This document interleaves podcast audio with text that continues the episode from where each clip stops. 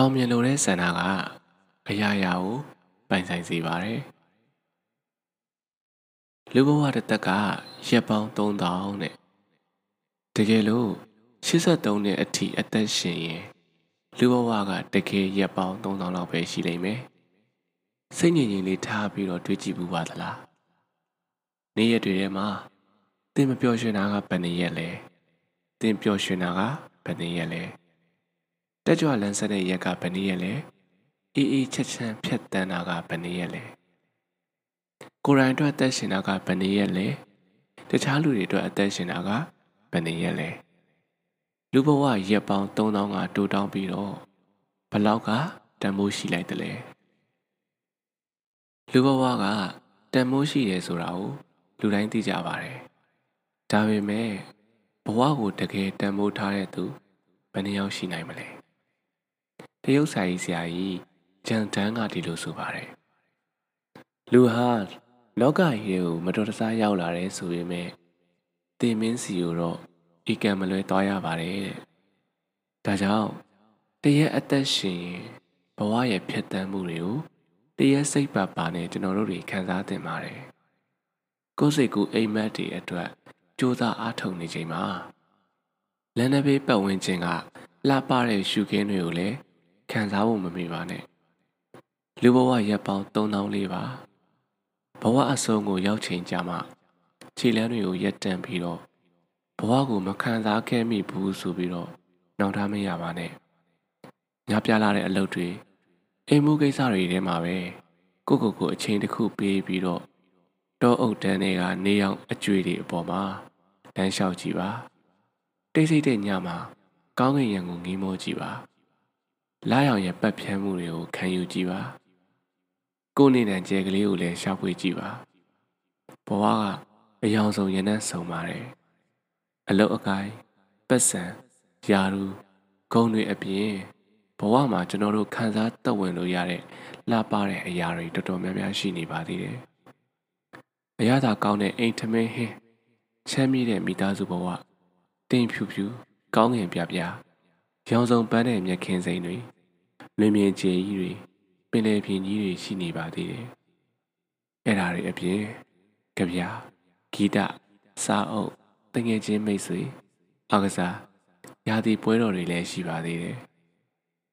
လူဘဝကရက်ပေါင်း3000လေးပါနောက်ဘဝဆိုတာရှိချင်မှရှိပါလိမ့်မယ်စိတ်ညစ်ကြည်ကွယ်ဝမ်းနည်းစရာတွေ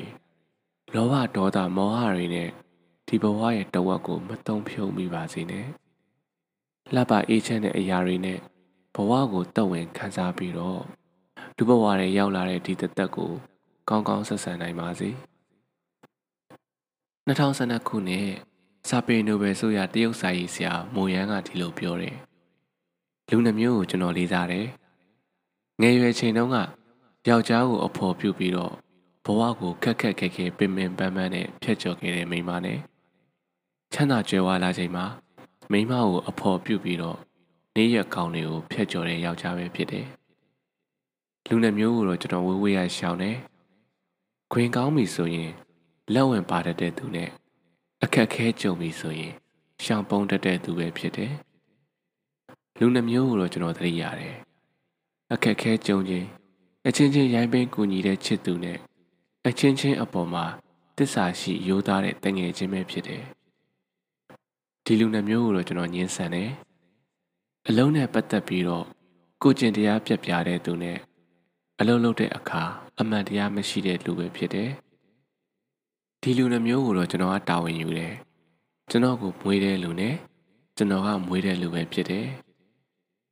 လူနှမျိုးကိုကျွန်တော်တန်ဖိုးထားတယ်စိတ်ထဲကနေကျွန်တော်ကိုတတိရတဲ့သူနဲ့ကျွန်တော်ကိုတကယ်တတိတရားရှိတဲ့လူပဲဖြစ်တယ် တင်းငယ်တဲ့မျိုးစိလေးတစ်စီးပဲဖြစ်စေအောင်တော့မြေကိုခွင်းပြီးတော့ဖောက်ထွက်နိုင်တဲ့အင်အားသူ့မှာရှိတယ်။တင့်မှာမျိုးစိထက်ပိုတူးတဲ့ကြီးမားတဲ့လုံနိုင်စွမ်းတွေရှိပါတယ်။ကိုကိုကိုအထင်မသေးပါနဲ့။ဘဝမှာနာကျင်မွန်းချက်မှုတွေများတော့နေ။ဒါပေမဲ့ငါတို့မှာအ ਨੇ ဆုံးတော့ပြုံးရည်ဖို့အခွင့်အာဏာရှိပါသေးတယ်။လောကကြီးဟာ ကဲ့ရဲ့လောင်ပြောင်အပြစ်တင်ဖို့ပဲတက်တဲ့လူတွေရဲ့လက်ထဲမှာရှိတာမဟုတ်ဘူးကဲ့ရဲ့လောင်ပြောင်ဝေဖန်တန်းကိုခံနိုင်ပြီးတော့ရှေ့ကိုမပြတ်ခီးဆက်နေတဲ့သူတွေရဲ့လက်ထဲမှာပဲရှိတာပါပျော်ရွှင်ခြင်းဆိုတာကားကောင်းစားတွေတင်မောင်းနိုင်တာကိုဆိုလိုတာမဟုတ်ဘူးပျော်ရွှင်ခြင်းဆိုတာအိမ်အရောက်ကားကိုဘေးကင်းကင်းနဲ့တင်မောင်းနိုင်တာပဲဖြစ်တယ်ပျော်ရွှင်ခြင်းဆိုတာ ပတ်စံတွေဘလောက်စုမိပြီဆိုတာမဟုတ်ဘူးပျော်ရွှင်ခြင်းဆိုတာလွတ်လပ်တဲ့စိတ်နဲ့တင်နှစ်သက်တဲ့အလုပ်ကိုတင်လုပ်ခွင့်ရနေတာပဲဖြစ်တယ်ပျော်ရွှင်ခြင်းဆိုတာတင်းချစ်သူဘလောက်ချောမောလာပါတာမဟုတ်ဘူးပျော်ရွှင်ခြင်းဆိုတာတင်းချစ်သူရဲ့အပြုံဘလောက်လန်းဆန်းတက်ကြွတယ်ဆိုတာပဲဖြစ်တယ်ပျော်ရွှင်ခြင်းဆိုတာတင့်ရာရူအာနာဘလောက်ကြီးတယ်ဆိုတာမဟုတ်ဘူးပျော်ရွှင်ခြင်းဆိုတာက တင်ဘယ်နေရာပဲရောက်ရောက်လူတွေကတင့်ကို လူကောင်းတစ်ယောက်လိုချီးမွမ်းတာပဲဖြစ်တယ်ပျော်ရွှင်ခြင်းဆိုတာအစားအသောက်ကောင်းတွေစားနိုင်တာကိုဆိုလိုတာမဟုတ်ဘူးပျော်ရွှင်ခြင်းဆိုတာအဖျားနာမရှိ စိတ်ချမ်းသာလူချမ်းမာတာပဲဖြစ်တယ်ပျော်ရွှင်ခြင်းဆိုတာသင်အောင်မြင်နေတဲ့အချိန်ဘေးမှာလူတွေဝိုင်းနေတာကိုဆိုလိုတာမဟုတ်ဘူးပျော်ရွှင်ခြင်းဆိုတာသင်ကြာရှုံးနေချိန်မှာတငယ်ချင်း ဒီတောင်ကိုမင်းကြော်နိုင်ပါတယ်ကွာဆိုတဲ့အပိဓာန်ပဲဖြစ်တယ်ပျော်ရွှင်ခြင်းဆိုတာချိုတာတဲ့ဇကားတွေသင်အများကြီးကြားခဲ့ဘူးလားကိုဆိုလိုတာမဟုတ်ဘူးပျော်ရွှင်ခြင်းဆိုတာသင်နာခြင်းထိခိုက်နေချိန်မှာ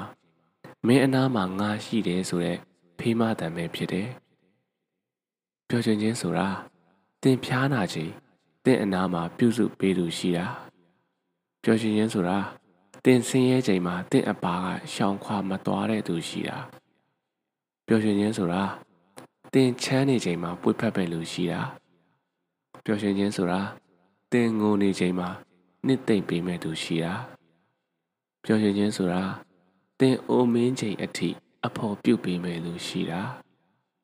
ပျော်ရွှင်ခြင်းဆိုတာသင်အမားလုံးမိချိန်ခွင့်လွတ်နားလည်ပေးမဲ့သူရှိတာပျော်ရွှင်ခြင်းဆိုတာ သင်မောပန်းနေတဲ့အချိန်စာနာတနာမဲ့သူရှိတာတကယ်ဆိုရင်ပျော်ရွှင်ခြင်းကိုတကူးတကသွားရှာနေစရာမလိုပါဘူးပျော်ရွှင်ခြင်းကသင်နေ့စဉ်ဘဝမှာသင်အနာမှာအမြဲဝန်းရံနေပြီးသားပါသိငတ်တွေဟာအတောင်ဖြန့်ပြီးတော့ကောင်းငင်ထက်မှာသူတို့ရဲ့ကြန့်ခိုင်တဲ့ယုံကြည်မှုတွေနဲ့ဝဲပြန်ကြတယ်နိုင်ငံတော်သချင်းကပြိုင်ပွဲဝင်အားကစားသမားတွေကိုယုံကြည်မှုအင်အားတွေထည့်ပေးတယ် အောင်မန်းတွေကိုစုကူးစေတယ်လုပ်ငန်းရှင်တွေအောင်မြင်ရတာကသူတို့ကသူတို့ရဲ့ထုတ်ကုန်ကအကောင်းဆုံးဆိုတာကိုယုံကြည်ထားလို့ပဲဖြစ်တယ်အဆိုတော်တွေအောင်မြင်ရတာကသူတို့ရဲ့အတန်ဟာအကောင်းဆုံးလို့သူတို့ကိုသူတို့ယုံကြည်နေလို့ပဲဖြစ်တယ်လေသမားတွေကမိမိကိုယ်ကိုယုံကြည်မှုအပြည့်နဲ့တီးနှံအထွက်တိုးဖို့ကိုမျှော်လင့်ကြတယ်သိပ္ပံပညာရှင်တွေကမိမိကိုယ်ကိုယုံကြည်မှုနဲ့ ဆက်သွယ်ရေးကြိုးတွေကိုကဘာပတ်စေခဲ့တယ်မိမိကိုယ်ကိုယုံကြည်မှုဆိုတာကလူတွေအောင်မြင်ဖို့အတွက်ရှေ့ဆောင်လမ်းပြလဲဟုတ်တယ်ကိုယ့်အင်အားကိုပြည့်ဖြိုးစေတယ်ကိုယ့်ကိုယ်ကိုယုံကြည်မှုရှိရင်ဖြတ်ကျော်မရနိုင်တဲ့ကြောက်ကမ်းမဆိုတာမရှိတော့ဘူးကျော်လွှားလို့မရနိုင်တဲ့ပြဿနာအခက်ခဲဆိုတာလည်းမရှိဘူးဒါကြောင့်မိမိကိုယ်ကိုယုံကြည်မှုကကလောင်တစ်ချောင်းနဲ့တူတယ်ကိုဘဝအောင်မြင်မှုကို စာမျက်နှာတရွက်ပြီးတရွက်ရေးနိုင်တယ်မိမိကိုယ်ကိုယုံကြည်မှုကအလင်းတန်းနဲ့တူတယ်ရှေ့ဆက်မဲ့ဥတီယာကိုလည်းလမ်းညွှန်ပေးတယ်မိမိကိုယ်ကိုယုံကြည်မှုကထဲတစ်ခုနဲ့တူတယ်ကိုယ့်အတွက်လှပတဲ့လေယာမြေတော်တွေကိုထွန်ရက်ပေးတယ်မိမိကိုယ်ကိုယုံကြည်မှုကမီးနဲ့တူတယ်ကိုယ့်ရင်ထဲကမျောလင်းချက်တွေကိုလောင်ကျွမ်းလင်းလက်စေတယ်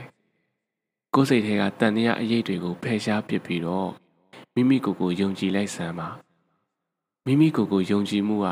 တင့်ကိုအောင်မြင်စေမဲ့အဓိကမျှော်လင့်ချက်ပဲဖြစ်ပါတယ်လူအများစုကအချိန်ဆွဲတတ်ကြပါတယ်အချိန်ဆွဲနေရင်ပြင်းရည်တာတန်တရားဝင်တာတိမ်ငယ်တာကြောက်ရွံ့တာစားတဲ့အပြတ်ဆောင်တဲ့စိတ်တွေဝင်လာတတ်ပါတယ်အဲ့ဒီလိုအချိန်ဆွဲနေတဲ့သူကဘာပဲလုပ်လို့ကောင်းအောင်မလုပ်တာမဟုတ်ဘဲနဲ့ကောင်းကောင်းမလုပ်တာပဲဖြစ်ပါတယ် ဒါဟာကြာရှုံးမှုအတွက်လုံလောက်တဲ့အကျင့်ဆိုလည်းဖြစ်တယ်ဆုံးဖြတ်ချက်တွေချပြီးတော့လက်တွေ့မလုံဆောင်နိုင်ရင်လည်းဘာအကျိုးရလက်မှရမှာမဟုတ်ပါဘူးချက်ချင်းထလောက်တာကအကျင့်တစ်ခုပါစိတ်နေစိတ်ထားတစ်ခုဆိုလဲဟုတ်တယ်အောင်မြင်သူတို့လက်ကင်ထားတဲ့အရေးချင်းတစ်ခုလည်းဟုတ်တယ်အလုပ်တစ်ခုကိုအချိန်ဆွဲရင်မနှက်ဖြန်ပေါင်းများစွာကိုတင်အချိန်ဆွဲမိပါလိမ့်မယ်စတင်လှုပ်ဆောင်ပြီးဆိုရင်တော့ အဆုံးအထိတင်လှုပ်ဆောင်တဲ့ဒိတ်တွေဖြစ်လာပါလိမ့်မယ်ဒါကြောင့်စလှုပ်ဆောင်ပြီးဆိုတာနဲ့အောင်မြင်မှုတင်တပိုင်းတည်ကြသွားပါပြီစစချင်းခြေတလန်းကိုတင်စလန်းလိုက်ပြီးဆိုတာနဲ့နောက်ကခြေလန်းတွေကလည်းအလိုလိုလိုက်ပါလာပါလိမ့်မယ်တတိရှိတဲ့ပထမခြေလန်းကိုတင်စလန်းရဲဖို့ပဲလိုပါတယ်လူတိုင်းလူတိုင်းမှာကိုယ်ပိုင်စိတ်ကူးအိမ်မက်တွေခံယူချက်တွေရှိကြတယ် တခြားလူထက်ပိုထူးချွန်ထက်မြက်တဲ့သူအဆိုတော်တွေအားကစားသမားတွေဆရာဝန်တွေအင်ဂျင်နီယာတွေဖြစ်လို့ကြတယ်ဒါဟာအစကောင်တစ်ခုပါစိတ်ကူးရင်ရီမန်းချက်ထားရတဲ့သူတွေကတဝက်အောင်မြင်နေပြီးသားသူတွေပါရှေးလူကြီးတွေကပြောတယ်ရင်ဘတ်ထဲမှာစိတ်ကူးအိမ်မက်မရှိရီမန်းချက်မရှိတဲ့သူတွေကရှင်လျက်နဲ့တည်နေကြတာတဲ့ရီမန်းချက်မရှိ ဥတီချက်မဲ့နေရင်ရှေ့တိုးဖို့အားအင်လည်းရှိမှာမဟုတ်ဘူးမရေရတဲ့လူဘဝလမ်းမှာရောင်းလဲလဲဖြစ်နေမှာပဲဘဝကလည်းအတိတ်ပဲမဲ့နေမှာပဲဒါကြောင့်စိတ်ကူးအိမ်မက်ရှိရမယ်ရီမန်းချက်တွေရှိတယ်ဆိုရင်အဲ့ဒီရီမန်းချက်ဥတီချက်အတွက်နေတိုင်းကြိုးစားပြီးတော့အကောင့်ထဲပေါ်ပါကြိုးစားပြီးတော့တင်ယူပါဖြည်းဖြည်းချင်းအတွေ့အကြုံတွေကိုအတိုးချပြီးတော့ကိုကိုကိုဖြည့်စည်းပါ ဒါဆိုရင်တနေ့နေ့မှာအောင်မြင်မှုအလင်းရောင်ကတင့်ကိုယ်ပေါ်မှာလင်းလက်တောက်ပါလာမှာပါအဲ့လိုကြိုးစားတဲ့နေရာမှာလည်းအခက်အခဲတွေဆင်းရဲဒုက္ခတွေဆိုတာရှိလာနိုင်ပါတယ်တကယ်တော့အခက်ခဲနဲ့ဆင်းရဲဒုက္ခဆိုတာလူတွေအတွက်ပေါင်းဖော်ပါတချို့ကဆင်းရဲဒုက္ခရှေ့မှာဒူးထောက်လဲကျသွားကြတယ်တချို့ကတော့ဒီဆင်းရဲဒုက္ခတွေကိုဖျက်ချော်သွားကြတယ် အခက်ခဲတွေကိုအနိုင်ယူသွားကြတယ်ဒီလိုကြော်ဖြတ်အနိုင်ယူနိုင်သူတွေရဲ့ဘဝမှာတန်မာသူတွေဖြစ်တယ်ဒီလိုလူမျိုးတွေကအောင်မြင်မှုရဲ့အသီးပွင့်တွေကိုခံစားကြရတယ်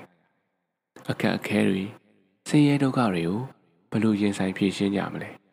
ရှောင်ပြေးမလားတိတိစိတ်နေမလားအဓိကကတော့တင့်ရဲ့ရွေးချယ်မှုပါပဲလူဘဝမှာဆင်းရဲဒုက္ခပေါင်းစုံရောရှက်နေပါတယ် တခါတခါဒီဆင်းရဲဒုက္ခတွေကိုရှောင်လဲလို့မရနိုင်ဘူးတဲ့တဲ့ရင်ဆိုင်မှပဲရပါလိမ့်မယ်ဘဝမှာကြာရှုံးခြင်းနဲ့ရင်ဆိုင်တွေ့မှပို့ပြီးတော့ကြိုးစားလို့စိတ်ပို့ပြီးတော့တန်မိုးထားတဲ့စိတ်တွေဖြစ်လာတာပါဘဝမှာအခက်အခဲနဲ့ရင်ဆိုင်တွေ့မှရေစံလမ်းမှာလော်တက်ကိုအားနဲ့ဘလို့လော်ခဲ့ရမယ်ဘလို့ပဲ့ကန်ရမယ်ဆိုတာကိုသိနိုင်မှာပါသိငတ်တွေကဘ သူမှလက်ခုပ်တီးအားမပေးလဲအမြင့်ကိုပြန်တန်းကြတယ်မြက်ကလေးတွေကလည်းဘသူမှမတန်တာလဲကြီးထွားရှင်တန်ကြတယ်လမ်းဘေးပန်းတွေကလည်းဘသူမှမနစ်သက်လဲလှလှပပဖူးပွင့်ကြတယ်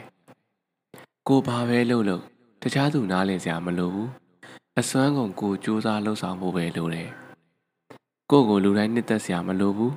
အတိတ်ပဲရှိရှိရှင်းသန်နေဖို့ပဲလိုတယ်အကျိုးရှိတဲ့အလုပ်ကို ဇွဲရှိရှိနဲ့လှုပ်ဆောင်ရင်လောင်ရည်တန်နဲ့အထီးကျန်ခြင်းတွေကအဝေးကိုထွက်ပြေးသွားမှာပါပဲတရားအနာတရားတွေရခဲ့ရင်တောင်ရုန်းကန်ထားရနိုင်ရမယ်တကယ်တော့ဒီတသက်တာဆိုတာမရှိကြပါဘူး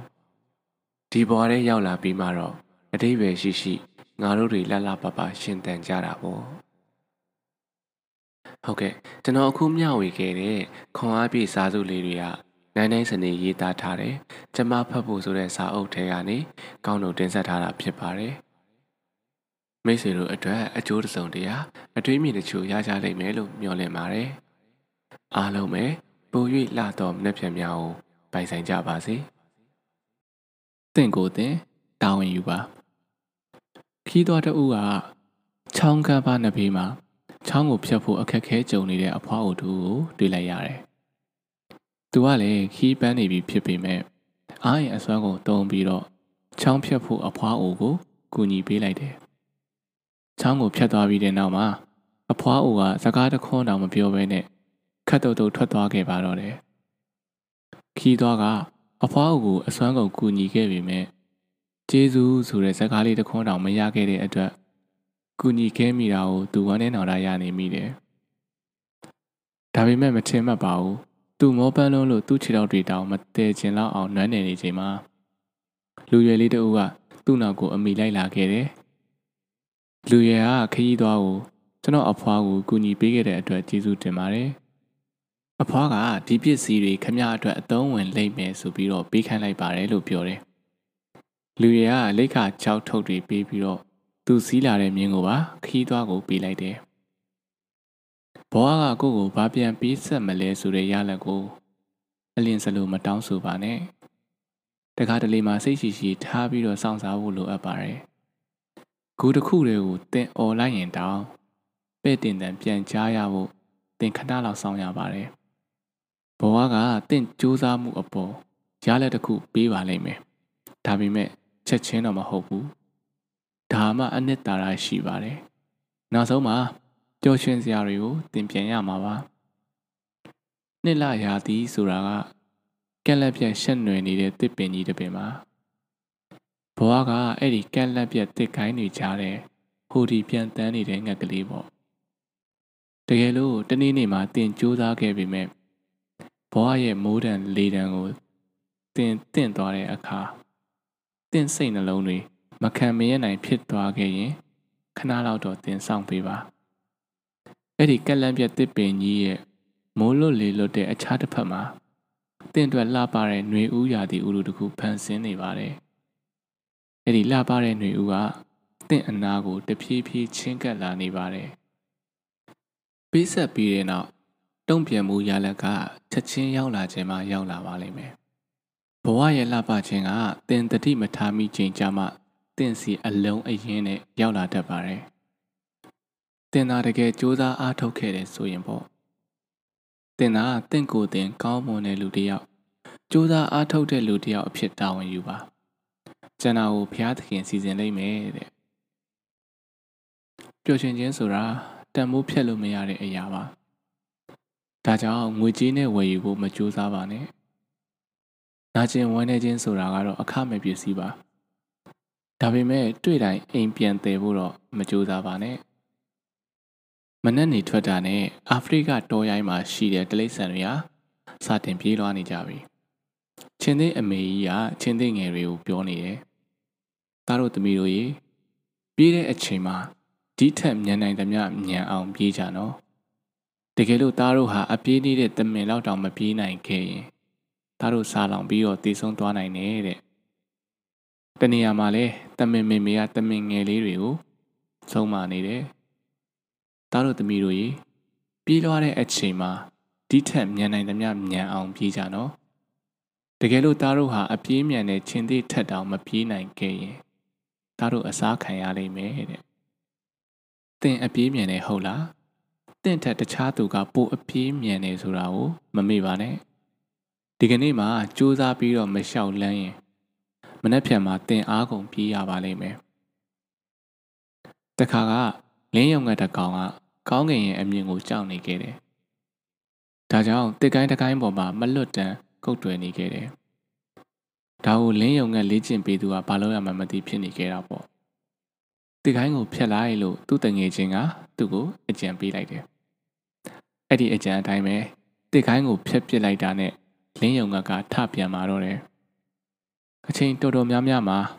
ကျွန်တော်တို့ရဲ့စိတ်နှလုံးမှာလည်းမမြင်ရတဲ့အတောက်မှတစ်စုံရှိတယ်။ ဒါပေမဲ့ဘေးကင်းလုံခြုံလို့တက်တောင့်တက်တာရှိလို့ဆိုပြီးတော့ကျွန်တော်တို့ကလက်ရှိနေရာမှာပဲဖတ်တွယ်နေရတာကိုအကျင့်ဖြစ်နေခဲ့တယ်။အယောင်ဆုံးတဲ့လောကကြီးကိုစူးစမ်းလေ့လာဖို့အကြီးအချင်းတွေပျောက်ဆုံးကုန်ခဲ့ကြတယ်။ကိုမြဲမြဲကုတ်တွေထားတဲ့အဲ့ဒီတစ်ကိုင်းအချိုးခံလိုက်ရမှကိုလည်းပြန်တန်းနိုင်ကြောင်းကိုကျွန်တော်တို့သတိပြုမိတတ်ကြတယ်။စိတ်ခံစားချက်ကတစွတ်ထိုးလှုပ်တဲ့အခါအတိညာဏ်ကထိမ့်ပေးရတယ်။ စိတ်ခံစားချက်ကကျွန်တော်တို့ကိုဘဝတည်းကချူချင်းငံဆက်အရာသားတွေပျော်ရွှင်ဝမ်းနဲ့ငိုကြွေးရတဲ့အရာသားတွေတွေးဆုံကြုံကွဲတဲ့အရာသားတွေကိုခံစားစေတယ်။ဒါကြောင့်ဘဝကညှင်းငွေစရာမကောင်းတယ်လို့မချောက်ကပ်နေတာ။အတိညာဏ်ကတော့လှုပ်ဆောင်မှုတွေကိုထိမ့်ပေးတယ်။မကောင်းတာကိုမကောင်းမှန်းသိအောင်မလုံးတဲ့တာကိုမလုံးမိအောင်သိစေတယ်။ဥတီယာအမှန်ကိုလမ်းညွှန်ပေးတယ်။ အဲ့ဒီစိတ်ခံစားချက်ထဲမှာပဲတဝဲဝဲမလဲဖို့သတိပေးတယ်။စိတ်ခံစားချက်တွေပြင်းထန်တဲ့အခါအသိဉာဏ်နဲ့ထိမ့်ပေးနိုင်ပါတယ်။ဘယ်အလောက်ကမှတိမ်ငယ်တယ်ဆိုတာမရှိဘူး။တင်မှာအလုံးလုံးချင်စိမ့်နဲ့စိတ်အားထက်သန်မှုမရှိတဲ့အချိန်ကြာမှတိမ်ငယ်ခြင်းဆိုတာစတာပါ။အိန္ဒိယအဖိုးကြီးတူကသူ့မျိုးကိုဒီလိုပြောပြတယ်လူတိုင်းရဲ့ခန္ဓာကိုယ်ထဲမှာဝင်ပလီနှကောင်ရှိတယ်တဲ့ အဲ့ဒီဝင်ပလီနှကောင်ကအချင်းချင်းရရက်ဆက်ဆက်တက်ဖြတ်ကြတယ်ဝင်ပလီတစ်ကောင်ကတော့ဒေါသမနာလိုခြင်းဝင်ကြွားမောက်မာခြင်းကြောက်ရွံ့ခြင်းနဲ့မနစ်မြို့ခြင်းတွေကိုကိုစားပြုတယ်နောက်ထပ်ဝင်ပလီတစ်ကောင်ကတော့လူညံသိမ်မွေခြင်းယူသားခြင်းကျေးဇူးတည်တတ်ခြင်းမျှော်လင့်ချက် အပြုံးနဲ့ချစ်ချင်းမြတ်တာတွေကိုကိုစားပြုတယ်။မြေကအဖိုးအိုပြောတာတွေကိုကြားဖြတ်ပြီးတော့အလင်းစလုံးမေးလိုက်တယ်။ ဖို့ဖို့ဖို့ဖို့ဘဲဝန်ပလွေကအင်အားအရှိဆုံးလေတဲ့။အဲ့ဒီအချိန်မှာအဖိုးကပြန်ဖြေတယ်။မြေလေအစာကျွေးတဲ့တကောင်ပေါ့တဲ့။ဘဲတကောင်ကိုအစာကျွေးခြင်းတည်းကို့ပေါ်မှာပဲမူတည်ပါတယ်။ဘဝမှာတင့်ကိုလဲဖြိုပြစ်နိုင်လောက်တဲ့ကိစ္စတွေအရာဝတ္ထုတွေအများကြီးရှိပါတယ်။ဒါပေမဲ့တင့်ကိုတကယ်လဲပြိုစေတာကတော့တင်ကိုယ်တိုင်ရဲ့စိတ်နေစိတ်ထားပဲဖြစ်တယ်။ တသနာပညာရှင်ကြီးတဦးကဒီလိုပြောတယ်။တင့်ရဲ့စိတ်နေစိတ်ထားကတင့်ရဲ့တခင်မှာပဲတဲ့။လူလူချင်းကြားမှာတခြားကွဲပြားခြားနာချက်တွေတိတ်များများဆဆမရှိဘူး။တကယ်ကွဲပြားတာဆိုလို့စိတ်နေစိတ်ထားပဲရှိတယ်။ဒါကြောင့်လူတယောက်ပျော်ရွှင်တယ်မပျော်ရွှင်ဘူးလူချစ်လူခင်များတယ်လူချစ်လူခင်မများဘူးအောင်မြင်တယ်မအောင်မြင်ဘူးဆိုတာကသူ့ရဲ့စိတ်နေစိတ်ထားကနေအဆုံးအဖြတ်ပေးပါတယ်တဲ့ ဒီမှန်းချက်ရှိတဲ့လူကပြေးလွှားနေတယ်ရီမှန်းချက်မရှိတဲ့လူကတော့လေလွင့်နေတယ်ရီမှန်းချက်ရှိတဲ့လူကကျေးဇူးတရားကိုသိတယ်ရီမှန်းချက်မရှိတဲ့လူကတော့မကြည်မနဲ့ညီးတွားတယ်ရီမှန်းချက်ရှိတဲ့လူကအိတ်မပြောဘူးရီမှန်းချက်မရှိတဲ့သူကတော့အိပ်ပြီးရင်မနှိုးတတ်ဘူးဘဝအတွက်စိတ်ကူးအိမ်မက်တစ်ခုပေးပါစိတ်ကူးအိမ်မက်အတွက်လမ်းတစ်ခုဖောက်ပါ လမ်းအတွက်ဥတီယာကိုရွေးပါလဲကျနေရင်ကိုကိုယ်တိုင်ထရက်ပါထိခိုက်နာကျင်သွားရင်ကိုကိုယ်တိုင်ကုသပါဘဝဆိုတာကြိုးစားလှုပ်ဆောင်ပြီးမှရလာတဲ့အောင်မြင်မှုပဲရှိတယ်ထိုင်ဆောင်နေရင်လည်းရလာတဲ့တောက်ပမှုဆိုတာမရှိပါဘူးမြချောင်းတိုင်းကပင်လယ်ပြင်ကြီးစီကိုအရောက်မသွားနိုင်ပေမဲ့မစည်းစင်းရင်ရေသေးအိုင်နေဖြစ်သွားပါလိမ့်မယ်မျိုးစီတစ်စီတိုင်းက တစ်ပင်ကြီးတစ်ပင်မဖြစ်နိုင်ပေမဲ့အညောင်မပေါက်ခဲ့ရင်တော့အခွန်ပဲဖြစ်သွားပါလိမ့်မယ်ရှင်တန်ချင်းဆိုတာဘဝရဲ့နေထိုင်နည်းတစ်မျိုးပါပဲအပြုံးအရေးဆိုတာဘဝတည်းကလှပတဲ့ပန်းလေးတစ်ပွင့်ပေါ့မနေ့ကဘာအခက်ခဲပဲဖြစ်ခဲ့ဖြစ်ခဲ့ဘာစိတ်မချမ်းမြေတာပဲကြုံခဲ့ကြုံခဲ့တင့်မှာအစ်စ်တဖန်ပြန်ဆနိုင်တဲ့အခွင့်အရေးဆိုတာရှိတယ်အဲ့ဒါကိုဒီကနေ့လို့ခေါ်တယ် တနာကျင်နာခြင်းခွင့်လို့တီးခံခြင်းဆိုတာထီတလက်ပေါ့အဲ့ဒီထီရဲ့အောင်မှာနှွေးထွေးကြည်နူးခြင်းတွေရှိတယ်မိုးဆူသူတယောက်ကိုထီဆောင်ပေးဖို့မတွန့်တူပါနဲ့နေပူတဲ့ရှောက်လန်းနေသူတယောက်ကိုထီရိပ်ပေးဖို့မမေ့ပါနဲ့တကယ်လို့တယောက်ယောက်ကတင့်ကိုမလေးမခန့်ရိုင်းရိုင်းပြပြစကားဆိုတဲ့အခါအရေးမဆိုင်ပါနဲ့ပို့လို့တောင်စိတ်ရှုပ်မသွားပါနဲ့ အဲ့ဒီစကားလုံးတွေကအမှန်တရားကိုမပြောင်းလဲနိုင်ပေမဲ့တင့်စိတ်ကိုကစလင့်ကလေးအားဖြစ်သွားစေနိုင်ပါတယ်တကယ်လို့စိတ်ကစင်ကလေးအားဖြစ်သွားရင်တော့အရာအလုံးကစင်ကလေးအားဖြစ်သွားပါလိမ့်မယ်သင်ဟာငွေရပါညံကောင်းတဲ့သူထက်မြက်တဲ့သူဖြစ်ခြင်းဖြစ်မယ်ဒါပေမဲ့ရွေးချယ်မှုများစွာကိုဖျက်ဆီးပြီးမှသင်ဟာစိတ်နှလုံးကောင်းသူကျင်နာသူဖြစ်လာနိုင်ပါတယ်။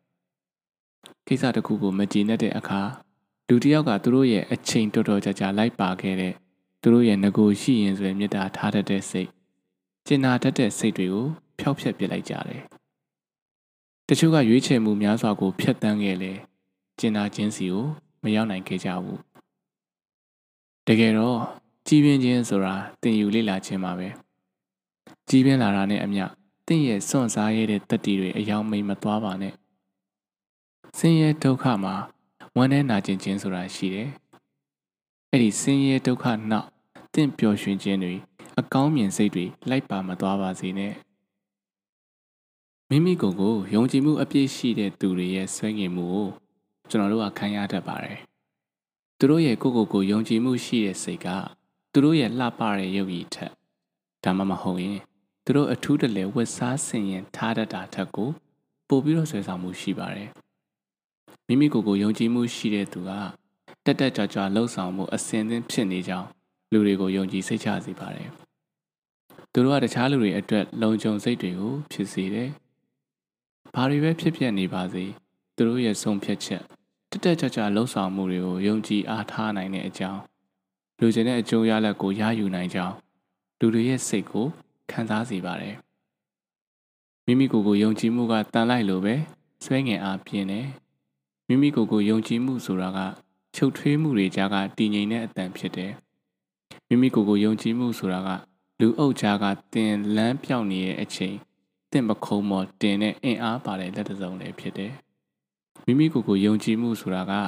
ထင်ရှားကြော်ကြားမှုနဲ့ဥဆောင်မှုတို့ရဲ့လိုအပ်ချက်လည်းဖြစ်တယ်အလုံများတာကိုမငင်းဆန်ပါနဲ့အလုံများတာကသင်ကိုအသိပညာတွေအတွေ့အကြုံကြွယ်ဝမှုတွေပေးပါတယ် ဆင်းရဲဒုက္ခကိုမချေမနှက်မညှီးတွားပါနဲ့ဆင်းရဲဒုက္ခကသင်ကိုပိုပြီးတော့ကြန့်ခိုင်တန်ပါစေပါတယ်ထုတ်ဖော်ပြောကြားဖို့ကိုလည်းမကြောက်ပါနဲ့အတန်ထွက်တာကသင်ရဲ့အခွင့်အရေးပါမနှက်ဖြံကိုမစိုးရင်မကြောက်ရွံ့ပါနဲ့မနှက်ဖြံမှာနေရောင်ကြီးကိုသင်တွေ့ရမှာပါအောင်မြင်ခြင်းစီကိုသွားတဲ့လမ်းကကွေ့ကောက်လွန်ပါတယ်တကယ်လို့အလုပ်တစ်ခုကိုလက်ဗလာနဲ့သင်တတိရှိရှိစရဲခဲ့ရင် ဘယ်အခြေအနေကိုပဲရောက်ရောက်မိမိကိုယ်ကိုယုံကြည်မှုတွေကိုမပြောက်ပြတ်စေပါနဲ့တော့ရှုံးနေမှာကိုကြောက်ပြီးတော့ခြေတလန်းမရွှေ့ခဲ့လို့ရှိရင်ငကိုနေရာမှာတင်တင်ကြမ်းရစ်နေပါလိမ့်မယ်တတိတွေယုံကြည်ချက်တွေနဲ့လုံမယ်လို့ဆုံးဖြတ်ထားတဲ့အရာကိုရဲရဲလှုပ်ဆောင်နိုင်ရင်ခွန်အားတွေကအလိုလိုပြေလာတတ်ပါတယ်အခွင့်ကောင်းအခါကောင်းရောက်လာတဲ့အချိန်မှာအသိဉာဏ်ဆိုတဲ့အတောင်ပံရဲ့အကူအညီကိုလည်းယူ ဇွဲလုံးလားတဲ့ယုံကြည်မှုကိုလည်းစုပ်ကင်ထားရင်ကောင်းကင်အမြင့်တက်စီကိုသင်ပြန်တန်းနိုင်ပါလိမ့်မယ်။အိုင်းစတိုင်းကပြောတဲ့အခွင့်ကောင်းအခါကောင်းဆိုတာအသင်ပြင်ထားတဲ့သူတွေကိုပိုနှစ်သက်တယ်တဲ့။ဒီတော့ဘာတွေပြင်ဆင်ထားရမလဲ။နံပါတ်1ကတော့အသိပညာတွေစုဆောင်းထားရပါလိမ့်မယ်။အသိပညာတွေဉာဏ်ပညာမပြည့်စုံဘဲနဲ့တော့အခွင့်ကောင်းအခါကောင်းတွေကိုဖန်ဆုပ်ဖို့တွေ့မြင်ဖို့ဆိုတာမလွယ်ကူပါဘူး နံပါတ်2ကတော့တွေးတောနည်းတွေကိုပြင်ဆင်ထားရမယ်အသိပညာတွေဉာဏ်ပညာတွေပြည့်စုံနေပြီမဲ့လေခေရဲ့တွေးခေါ်မှုမရှိရင်လေအခွင့်ကောင်းအခါကောင်းတွေကိုတွေ့နိုင်မှာမဟုတ်ဘူးတခြားလူအခွင့်အရေးကောင်းတွေရတာကိုကျွန်တော်တို့ကသွားအားကြနေဖို့မလိုဘူးအခွင့်အရေးကောင်းတွေကိုတွေ့မြင်နိုင်တဲ့ဖမ်းဆုပ်နိုင်တဲ့အုံနောက်ကိုပဲကျွန်တော်တို့ကစူးစမ်းမွေးမြူပြီးတော့အသင့်ပြင်ထားရလိမ့်မယ်ဒါတွေနဲ့ပြည့်စုံပြီဆိုရင်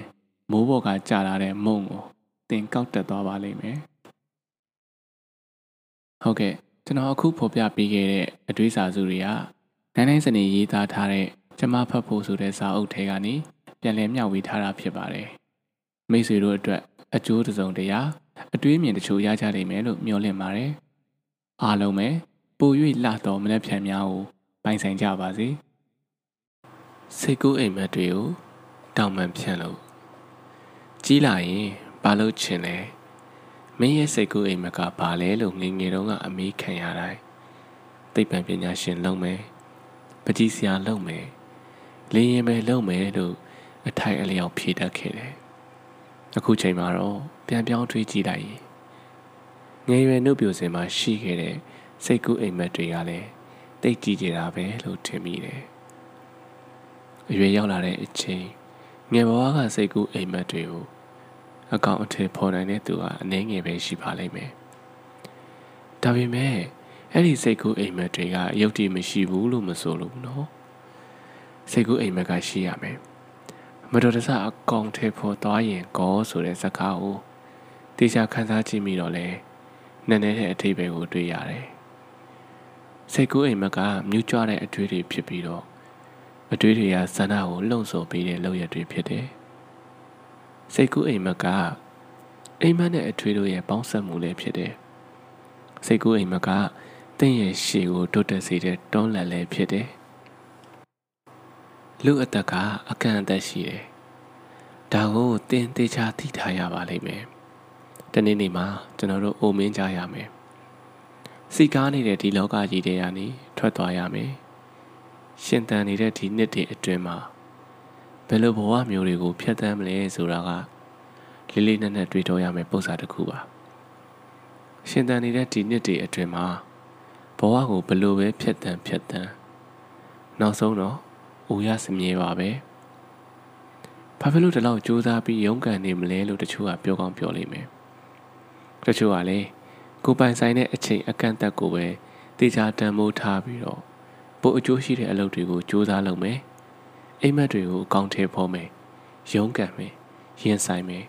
ကိုယ်နဲ့သက်ဆိုင်တဲ့ထူးခြားစမ်းကြဲတဲ့ဘဝတစ်ခုကိုရှင်းတန်ပြစ်မယ်လို့ပြောကောင်းပြောကြမယ်ဘဝကဘာအတွက်လဲတကယ်တော့ဘဝကတောက်လောင်မှုပါအေးစေးတက်တာဖြတ်တန်းမှုမဟုတ်ဘူးစိတ်ကူးအိမ်မက်ဆိုတာရောဘာလဲစိတ်ကူးအိမ်မက်ကတော့မီးပါ ဘဝရဲ့စိတ်အားထက်သန်မှုတွေကိုထွန်းညှိပေးပါတယ်စိတ်ကူးအိမ်မက်ဆိုတာအလင်းလေးဖြစ်တယ်ဘဝရဲ့အမောင်တွေကိုထွန်းလင်းပေးတယ်စိတ်ကူးအိမ်မက်ကရေလဲဖြစ်တယ်ဘဝရဲ့အညစ်အကြေးတွေကိုလည်းစီကြောပေးတယ်စိတ်ကူးအိမ်မက်ကကျဲတာရဆိုလဲဟုတ်တယ်ဘဝရဲ့ရှေ့ဆက်မဲ့လမ်းတွေကိုလမ်းညွန်ပေးတယ်လူတိုင်းဒါမှမဟုတ်ရင်လူတချို့မှာ စိတ်ကူးအိမ်မက်တွေကိုစီရှိတတ်ကြပါတယ်ရှိလဲရှိခဲ့ကြပါတယ်တင့်မှာရှိခဲ့ရင်လေကျေးဇူးပြုပြီးတော့မလွတ်ထန်စုပ်ကင်ထားပါမစွန့်ပစ်ပါနဲ့ရှည်လျားတဲ့လူဘဝခရီးလမ်းမှာအခက်ခဲပေါင်းများစွာဆင်းရဲဒုက္ခမျိုးစုံစမ်းသပ်မှုမျိုးစုံနဲ့တွေ့ကြုံရတတ်ပါတယ်အဲ့ဒီအခါကံတရားကိုအပြစ်တင်ပတ်ဝန်းကျင်ကိုရှုတ်ချလေအရာမရောက်နိုင်ဘူး စိတ်ကူးအိမ်မက်တွေကို အတောင်ပံတက်မှဆင်းရဲဒုက္ခကနေလွတ်မြောက်နိုင်မှာပါကိုကိုကိုတားလုံးကြော်လွန်နိုင်မှာပါကိုနဲ့သက်ဆိုင်တဲ့ဘဝတစ်ခုကိုအကြီးအသွေးစုံနေစွာပူပွင့်နိုင်မှာပါမျောလင့်ခြင်းရဲ့အင်အားမလေးရှားမှာကျင်းပတဲ့နိုင်ငံတကာစိတ်ပညာအစည်းအဝေးပွဲတစ်ခုမှာမိတ်ဆွေတဦးနဲ့ကျွန်တော်ကယဉ်နေခဲ့တယ်။သူက သူပြုလုပ်ခဲ့တဲ့စမ်းသပ်မှုတစ်ခုနဲ့မိတ်ဆက်ခဲ့တယ်။အဲ့ဒီစမ်းသပ်မှုမှာသူကကြက်ဖြူကြီးနှကောင်ကိုရေထဲကိုထည့်ထားလိုက်တယ်။ကြက်တွေကအသက်ရှင်မှုယုံရင်းဆန်ခတ်နဲ့ရုန်းကန်ကြတယ်။အဲ့ဒီလိုရုန်းကန်ချိန်က9မိနစ်လောက်ပဲကြာပါတယ်။ကြက်နှကောင်ရေနဲ့တေကားလေးဆဲဆဲမှာစိတ်ပညာရှင်ကကြွက်တွေတားသွားတိုင်နဲ့တစ်သားလုံးတစ်လုံးကိုပြစ်ချပေးလိုက်တယ်။ နောက်ဆုံးမှာကြွက်နှကောင်လုံးအသက်ရှင်ခဲ့ကြတယ်ပေါ့။ရဲအတန်ကြာတော့စိတ်ပညာရှင်ကအဲ့ဒီကြွက်နှကောင်ကိုပဲရေထဲထည့်ပြီးတော့တူညီတဲ့ဆန်သက်မှုပြုလုပ်ပြန်ပါတယ်။အဲ့ဒီအချိန်မှာအံ့ဩစရာကောင်းတာဒီတစ်ချိန်မှာကြွက်တွေက24မိနစ်လောက်ရုန်းကန်နိုင်ခဲ့ပြီးတော့ရှေ့တစ်ချိန်ထက်16မိနစ်ကျော်တော့မှတောင်းခံနိုင်ခဲ့တာကိုတွေ့လိုက်ရတယ်။ငငိုထက်ငါးစာနေပါရှိခဲ့တယ်ပေါ့။ ဒီကျွမ်းနှကောင်ရေနစ်သေးလူဆဲဆဲမှာစိတ်ပညာရှင်ကတစ်သားတော်ကိုအမြန်ချပေးလိုက်ပြန်တယ်။နောက်ဆုံးအဲ့ဒီကျွမ်းနှကောင်အသက်ရှင်ခဲ့တာပေါ့။အဲ့ဒီကျွမ်းနဲ့ပဲတူညီတဲ့စံသက်မှုကိုလုပ်ခဲ့ပြီးတော့ပထမအကြိမ်မှာ9မိနစ်ပဲတောင်းခံနိုင်ခဲ့ပြီးတော့ဒုတိယအကြိမ်မှာ24မိနစ်တောင်းခံနိုင်တာဘာကြောင့်လဲဆိုတာကိုလူတွေကတက်အံ့တော့မေးကြတယ်။ကျွမ်းတဲ့ကောင်ဟာ လွတ်မြောက်တဲ့အတွေ့အကြုံမရှိခင်မှာခန္ဓာကိုယ်ရဲ့ခွန်အားနဲ့ပဲလွတ်မြောက်ဖို့ရုန်းကန်ခဲ့တယ်။လွတ်မြောက်တဲ့အတွေ့အကြုံရှိသွားတဲ့အခါမှာတော့ကြွက်တွေမှာမျောလင့်ခြင်းအင်အားတစ်မျိုးတူသွားတယ်။အချိန်တစ်ခုခုမှကြာလာမဲ့တစ်သားတုံးနဲ့နောက်တစ်ချိန်ရှင်တန်လွတ်မြောက်ဖို့ကိုသူတို့မျောလင့်ခဲ့ကြတယ်။သူတို့ရဲ့အဲ့ဒီမျောလင့်ခြင်းအင်အားအကောင်းမြင်စိတ်ထားကောင်းမွန်တဲ့ရလဒ်တစ်ခုကိုတောင်းတတဲ့စိတ်ဓာတ်ကသူတို့ကိုအချိန်ကြာကြာကြံ့ကြံ့ခံ တောင့်ခံစေနိုင်ခဲ့တာလည်းဖြစ်တယ်လို့စိတ်ပညာရှင်ကရှင်းပြခဲ့ပါတယ်ဒုတိယကမ္ဘာစစ်တုန်းကအင်္ဂလန်စစ်သင်္ဘောတစ်စီးကအတ္တလန်တိတ်သမုဒ္ဒရာမှာဂျာမန်ရေငုပ်သင်္ဘောရဲ့တိုက်ခိုက်မှုကြောင့်မို့လို့နစ်မြုပ်သွားခဲ့တယ်။ရေတပ်သား900ကျော်ကသမုဒ္ဒရာပြင်မှာကယ်တင်ချင်းခံရဖို့စောင့်နေခဲ့တယ်။သွားခဲ့တဲ့သင်္ဘောကအချိန်မီမရောက်ခဲ့လို့တပ်သားတော်တော်များများရေနဲ့တည်ဆုံးခဲ့ရတယ်။ တပ်သားတချို့သာကယ်တင်ချင်းခံခဲ့ရတယ်။တကယ်တော့ကယ်တင်ချင်းခံရတဲ့တပ်သားတွေကအတန်မာဆုံးတပ်သားတွေမဟုတ်ပေမဲ့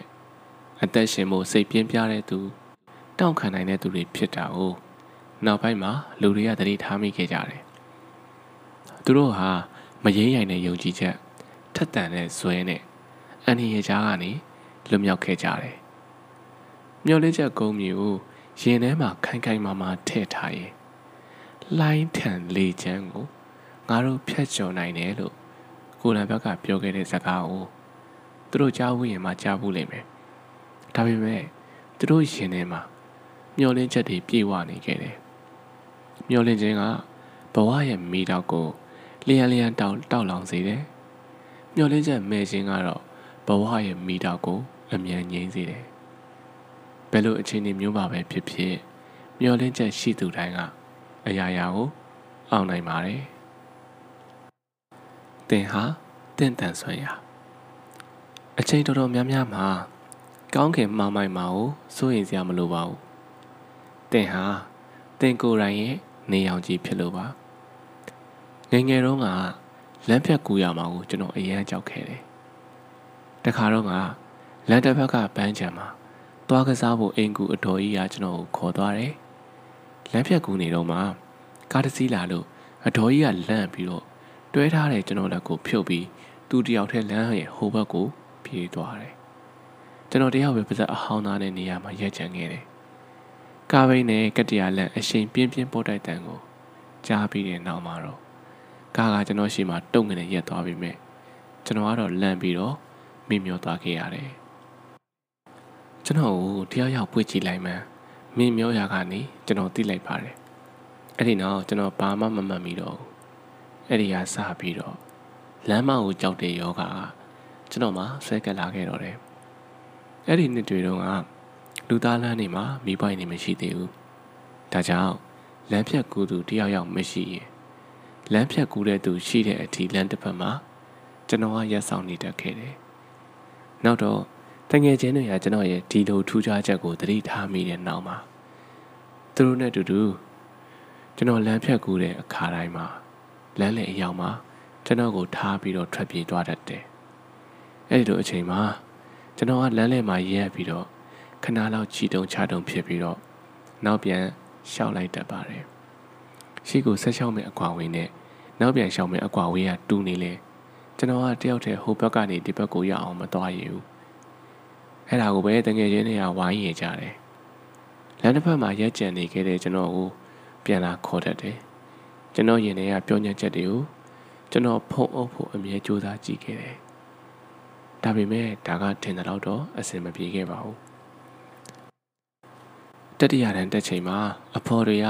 ဖားကတိတ်ယုံစရာကောင်းတဲ့အကြောင်းဖားတကောင်ဖမ်းပြီးတော့လက်ဝါးပေါ်ဘသူတင်ရဲလဲလို့အချင်းချင်းပြောကြတယ်အဲ့ဒီအချိန်မှာကျွန်တော်ကမပြောမစိုးနဲ့ ချံပုတ်ထဲကနေထွက်လာပြီးတော့အားလုံးကိုကြည့်လိုက်တယ်အဲ့ဒီနောက်အိတ်ထဲကနေဖားတကောင်ကိုထုတ်ပြလိုက်တယ်အတန်းမော်တွေအားလုံးထွက်ပြေးသွားကြပြီမဲ့ကိုကိုကိုတိတ်မိုက်တယ်လို့ကျွန်တော်မထင်ခဲ့မိဘူးဘာလို့လဲဆိုတော့တယောက်တည်းကျွန်တော်လမ်းဖြတ်မကူးရဲခဲ့လို့ပါကျွန်တော်လမ်းဖြတ်မကူးရဲဘူးဆိုတာလူတော်တော်များများကယုံကြည်မှယုံပါလိမ့်မယ်ဒါပေမဲ့ဒါဟာကျွန်တော်ငယ်ငယ်တုန်းကတကယ်ကိုအကြီးအကျယ်ဒုက္ခပေးခဲ့တဲ့အရာတစ်ခုပါ ညအချိန်လူချေတိတ်တဲ့အခါပရိမောက်အပြင်ဘက်ကိုကြည့်ရင်ရှက်စရာကောင်းလိုက်တာလို့ကျွန်တော်ခံစားရတယ်ယောက်ျားလေးတစ်ယောက်ဖြစ်ပြီးတော့ကျွန်တော်ဟာဘာလို့တစ်ယောက်တည်းလမ်းဖြတ်မကူးရတာလဲပင်စမာတန်းကိုရောက်တော့လမ်းဖြတ်ကူတဲ့အခါတိုင်းတငယ်ချင်းတွေကတယောက်ကိုတယောက်မျက်ရည်ပြပြီးတော့ကျွန်တော်ကိုလမ်းလည်မှာတယောက်တည်းချန်ခဲ့ဖို့ကြံကြပါသေးတယ်။အကင်းပါတဲ့ကျွန်တော်ကလည်းဒါကိုတတိထားပြီးတော့လူကူးကုန်းကျော်တရားကနေပဲဖြတ်ခဲ့တော့တယ်။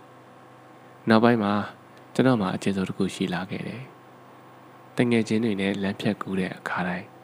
အရှိကတယောက်ရဲ့အင်းကြီးဒါမှမဟုတ်လွယ်အိတ်ကိုဆွဲထားတာပါ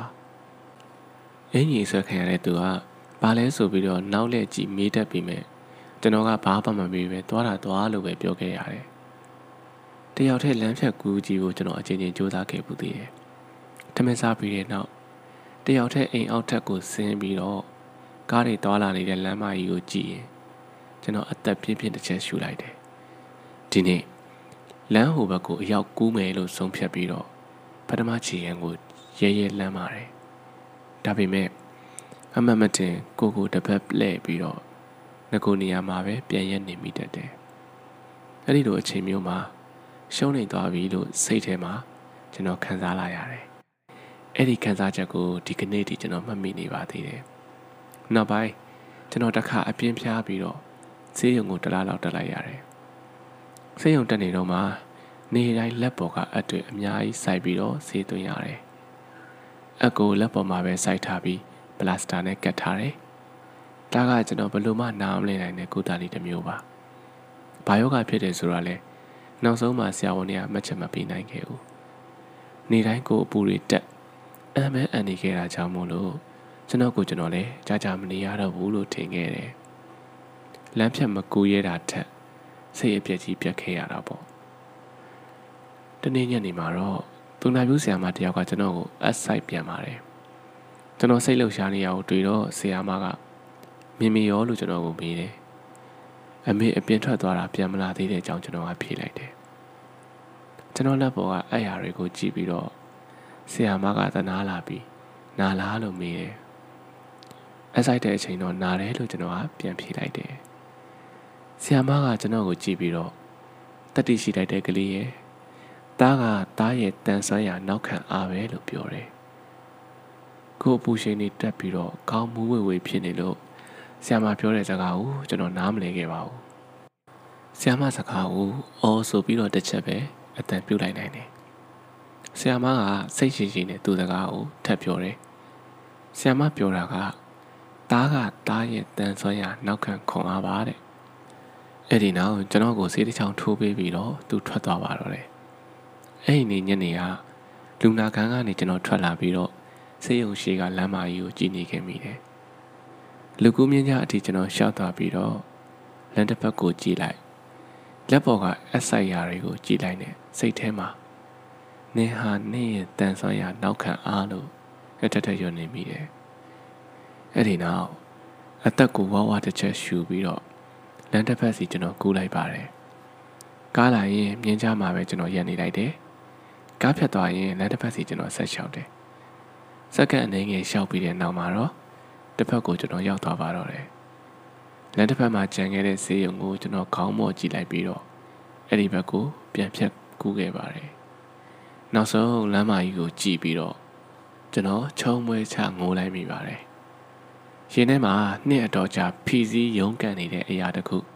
လွတ်လပ်သွားသလိုခံစားလိုက်ရတယ်။ကျွန်တော်ဟာကျွန်တော်တယောက်တည်းလမ်းဖြတ်မကူးရတဲ့ကောင်းလေးမဟုတ်တော့ဘူး။နောက်တနေ့ကျွန်တော်ကိုပူရှိန်ကျသွားသလိုအန်လည်းမအန်တော့ဘူး။ညနေရောက်တာနဲ့ကျွန်တော်ဆေးရုံကဆင်းရပါတယ်။ကျွန်တော်ဘာဖြစ်လို့ရုတ်တရက်ယောဂပျောက်သွားမှန်းဘယ်သူမှမသိကြဘူး။ကျွန်တော်လည်းတယောက်တည်းလမ်းဖြတ်မကူးရတဲ့ကိစ္စဟာကျွန်တော်ရဲ့ငယ်ဘဝတဝက်လောက်ကို နှောက်ယှက်နေခဲ့တယ်ဆိုတာလေဘယ်သူမှမသိခဲ့ကြဘူးအဲ့ဒီနေ့ကစပြီးတော့ကျွန်တော်ဟာကိုယ့်ကိုယ်ကိုတတိရှိကြောင်ပြချင်လို့အကောင့်လေးတွေကိုဖမ်းပြီးတော့လက်ဝါးထဲထည့်တာမျိုးလည်းမလုပ်တော့ဘူးရင်ထဲကကြောက်ရွံ့မှုကိုတဲ့တဲ့ရင်မဆိုင်ရဲခဲ့လို့တတိရှိကြောင်ပြရင်းနဲ့ပို့ပို့ပြောညံ့ခဲ့တယ်ဆိုတာကိုအခုမှကျွန်တော်အတိတရားဝင်လာခဲ့တယ်နောက်ပိုင်းမှာစိတ်ချောက်ချစရာကြုံလာတဲ့အခါအခုလက်ရှိရင်ဆိုင်နေရတဲ့အရာက ငငယ်တုန်းကတယောက်တည်းလမ်းမအလယ်မှာရက်ခဲရတာတော့ကြောက်စရာမကောင်းပါဘူးလို့စဉ်းစားလိုက်တဲ့အခါတိုင်းကြောက်စိတ်တွေစိုးရိမ်စိတ်တွေအများကြီးပြေလျော့သွားပါတယ်တကယ်တတိရှိခြင်းဆိုတာဒုံမကြောက်ဓာမကြောက်ဘယ်တော့မှထိခိုက်နာကျင်မှာမဟုတ်ဘူးဆိုတာမဟုတ်ဘူးထိခိုက်နာကျင်ပြီးတဲ့နောက်ရင်ထဲကကြောက်စိတ်ကိုတဲ့တဲ့ရင်ဆိုင်ဖယ်ရှားပြီးတော့အမောင်တွေကနေ ရှောက်လန်းထွက်ရဲတာပဲဖြစ်တယ်စိတ်ပြက်စရာယုံကြည်စရာတောင်မကောင်းတဲ့ဒီအဖြစ်ပြက်ကကျွန်တော်ပြောညံ့သွားတဲ့အခါတိုင်းသူနာပြုဆရာမပြောတယ်တင်ဟာတင့်တန်ဆွမ်းရာနောက်ခံအားပါဆိုတဲ့စကားနဲ့အတူကျွန်တော်အတွေ့အကြုံပြန်ဝင်လာတတ်ပါတယ်နှစ်ပေါင်းအတော်ကြာပြီးတော့တညမှာတော့ဗရဲပေါက်ဘေးမှာထိုင်ပြီးတော့စားမှုတွေကျွန်တော်ရေးနေတော့မှကျွန်တော်ခြေထောက်နှစ်ချက်လောက်ကလှုပ်သွားပြီးတော့မိချိုကိုသွားကန်လိုက်မိတယ် ရေးထားသမျှအားလုံးပျောက်ပြက်ကုန်တယ်စိတ်ခံစားချက်ကိုကျွန်တော်ထိန်းပြီးတော့ပြန်ဆက်ရေးတယ်ရေးနေရင်လည်းတဝက်လောက်အရောက်မှာမီးပြတ်သွားတယ်ရေးထားသမျှလည်းပြတ်ကုန်တာပေါ့ကျွန်တော်စိတ်အပြက်ကြီးပြက်မိတာမျက်ရည်တောင်ကြာလူလူပါပဲတအောင်နေတော့အက်ဒီတာစီကိုကျွန်တော်အချိန်မီစာမှုမပို့နိုင်တဲ့အကြောင်း message ပို့ဖို့ဖုန်းကိုယူလိုက်တယ် message ပို့မပို့တွေ့ဝင်နေတော့မှာပဲ ပလဲပေါက်အပြင်ဘက်တိုက်အောက်ကလမ်းမကြီးကိုကျွန်တော်အကြည့်ရောက်သွားတယ်တစ်ချိန်ကစိတ်ပြက်စရာအဖြစ်ပြက်ကိုကျွန်တော်တတိယလိုက်မိတယ်တစ်ချိန်ကကိုကိုတိုင်းလမ်းလေးတစ်ခါဖြတ်ကူးနိုင်ခဲ့ရုံနဲ့ချုံမွဲချငုံမိတဲ့ကောင်လေးကိုတတိယလိုက်မိတယ်အဲ့ဒီလိုတတိယလိုက်မိတာနဲ့စိတ်ကကြည်လင်လာတယ်ဒီလိုအချိန်မျိုးမှာဘသူကမှတင်ကိုမကူနိုင်မကယ်နိုင်ဘူးနောက်ပိုင်းမှာလည်းကိုယ်တိုင်ဖြတ်ကူးမှရမယ်လမ်းမကြီးတွေ အများကြီးကြုံကောင်းကြုံလာအောင်ပါဒါကြောင့်စာမှုကိုပြီးအောင်ရေးရမယ်လို့ကျွန်တော်တွေးလိုက်မိတယ်ကျွန်တော်စာမှုရေးပြီးတဲ့အချိန်ကမိုးတောင်လင်းနေပါပြီအဲ့ဒီစာမှုကဘဝရဲ့ပုံစံဆိုတဲ့စောင်းပါပဲဖြစ်ပါတယ်ဒီစောင်းပါနဲ့ပဲလူတော်တော်များများကျွန်တော်ကိုတီးသွားကြပြီးတော့နောက်ပိုင်းမှာစာအုပ်ထုတ်ဝေရေးတိုက်တိုက်ကကျွန်တော်စာအုပ်တွေထုတ်ဝေပေးဖို့လာရောက်ကမ်းလှမ်းခဲ့ပါတယ်ကျွန်တော်လည်း ကျွန်တော်ဝါသနာပါရလမ်းကြောင်းပေါ်ရှောက်လန်းမှုအခွင့်အရေးတွေရခဲ့တယ်တကယ်လို့အဲ့ဒီတူနာပြူဆရာမရဲ့စကားတခွန်းသာမရှိခဲ့ရင်အဲ့ဒီစကားတခွန်းကိုကျွန်တော်ရဲ့ရင်ထဲထည့်မထားမိခဲ့ရင်ကျွန်တော်အထွတ်အဆုံးစမဲ့တယ်လို့ဖြစ်ခဲ့တဲ့လမ်းမကြီးကိုအကြိမ်ကြိမ်တက်တက်သွားရင်မဆိုင်ခဲ့ခဲ့ရင်အဲ့ဒီစာမှုရေးတဲ့ညမှာကျွန်တော်ဟာကျင့်သားရနေတဲ့ပြောညံခြင်းနဲ့ပဲ ဆက်လက်ပြောညံနေခဲ့ပြီးတော့စာမှုကိုလည်းဆက်မြေးပဲနေခဲ့မှာပါအဲ့ဒီအခါကျွန်တော်ဘဝကအခုလက်ရှိဘဝနဲ့လုံးဝခြားနားနေပါလိမ့်မယ်လူဟာအမြဲတမ်းအထီးမကျန်နိုင်ပါဘူးဒါပေမဲ့လမ်းတစ်ချုပ်ကိုတော့ကိုယ်တိုင်ရှောက်မှရနိုင်ပါတယ်တယောက်တည်းရှောက်ဖို့မကြောက်ပါနဲ့သင်ဟာတင့်တန်ဆန်းရရဲ့နောက်ခံအားမို့လို့ပါဟုတ်ကဲ့ ကျွန်တော်အခုဖတ်ပြခဲ့တဲ့ရတာဆောင်းပါလေးတွေကနိုင်တိုင်းစနေရေးသားထားတဲ့အချိန်နဲ့အတူပျောက်ကွယ်သွားတဲ့စူးဆိုတဲ့စာအုပ်ထဲကနေထုံထုတ်တင်ဆက်ထားတာဖြစ်ပါတယ်မိတ်ဆွေတို့အတွက်အကျိုးစစုံတရားအတွေးမြင်တချို့ရကြလိမ့်မယ်လို့လည်းမျှော်လင့်ပါတယ်အားလုံးပဲပို၍လှသောမနှက်ဖြန်များကိုပိုင်ဆိုင်ကြပါစေတည့်ရလေးကြွေတာတည့်ရလေးကြွေတာက လေးရဲ့ခေါ်ဆောင်မှုကြောင့်လားတစ်ပင်ကနေခွင့်မပြီးလို့လားဆောင်းရည်တစ်ခုမှာတည့်ရွက်ကတစ်ပင်ကိုညင်ညင်တတငုံနှမ်းပြီးတော့တိုးညင်းတဲ့အတန်နဲ့ပြောလိုက်တယ်တစ်ပင်ငါသွားတော့မယ်သွားတော့မယ်နှွေးထွေးတဲ့ဆောင်းဦးရာသီကိုငါတို့အတူတူဖြတ်တန်းလာခဲ့ကြတယ်ပူပြင်းတဲ့နှွေးရာသီ ရိုမန်တစ်ဆန်တဲ့ဆောင်းဦးကာလကိုတောင်မှငါတို့မခွဲမခွာအတူတူဖြတ်ကျော်ခဲ့ပြီပဲဘာဖြစ်လို့ခုချိန်ကြာမှငါ့ကိုနင်ခွဲသွားရတာလဲသိရရဲ့ငါဘာအမားတွေလုံးမိလို့လဲလို့တစ်ပင်ကတုံးလုံးချောက်ချစွာ ပြန်မိလိုက်ပါတယ်အဲ့ဒါတွေကိုငါသိတယ်ဒါပေမဲ့ငါသွားကိုသွားရမယ်ဒီဆောင်ကုန်ရင်ငါ့ကိုနင်တရိယာတတ်ပါမလားလို့တည့်ရက်ကနာကျင်စွာနဲ့ ပြေးလိုက်တယ်တစ်ပင်ရဲ့နှလုံးသားကတော့တဆစ်စစ်နာကျင်နေခဲ့တယ်တန်မာပြီးဖြောင့်တန်းတဲ့သူ့အကင်ခတ်တွေကို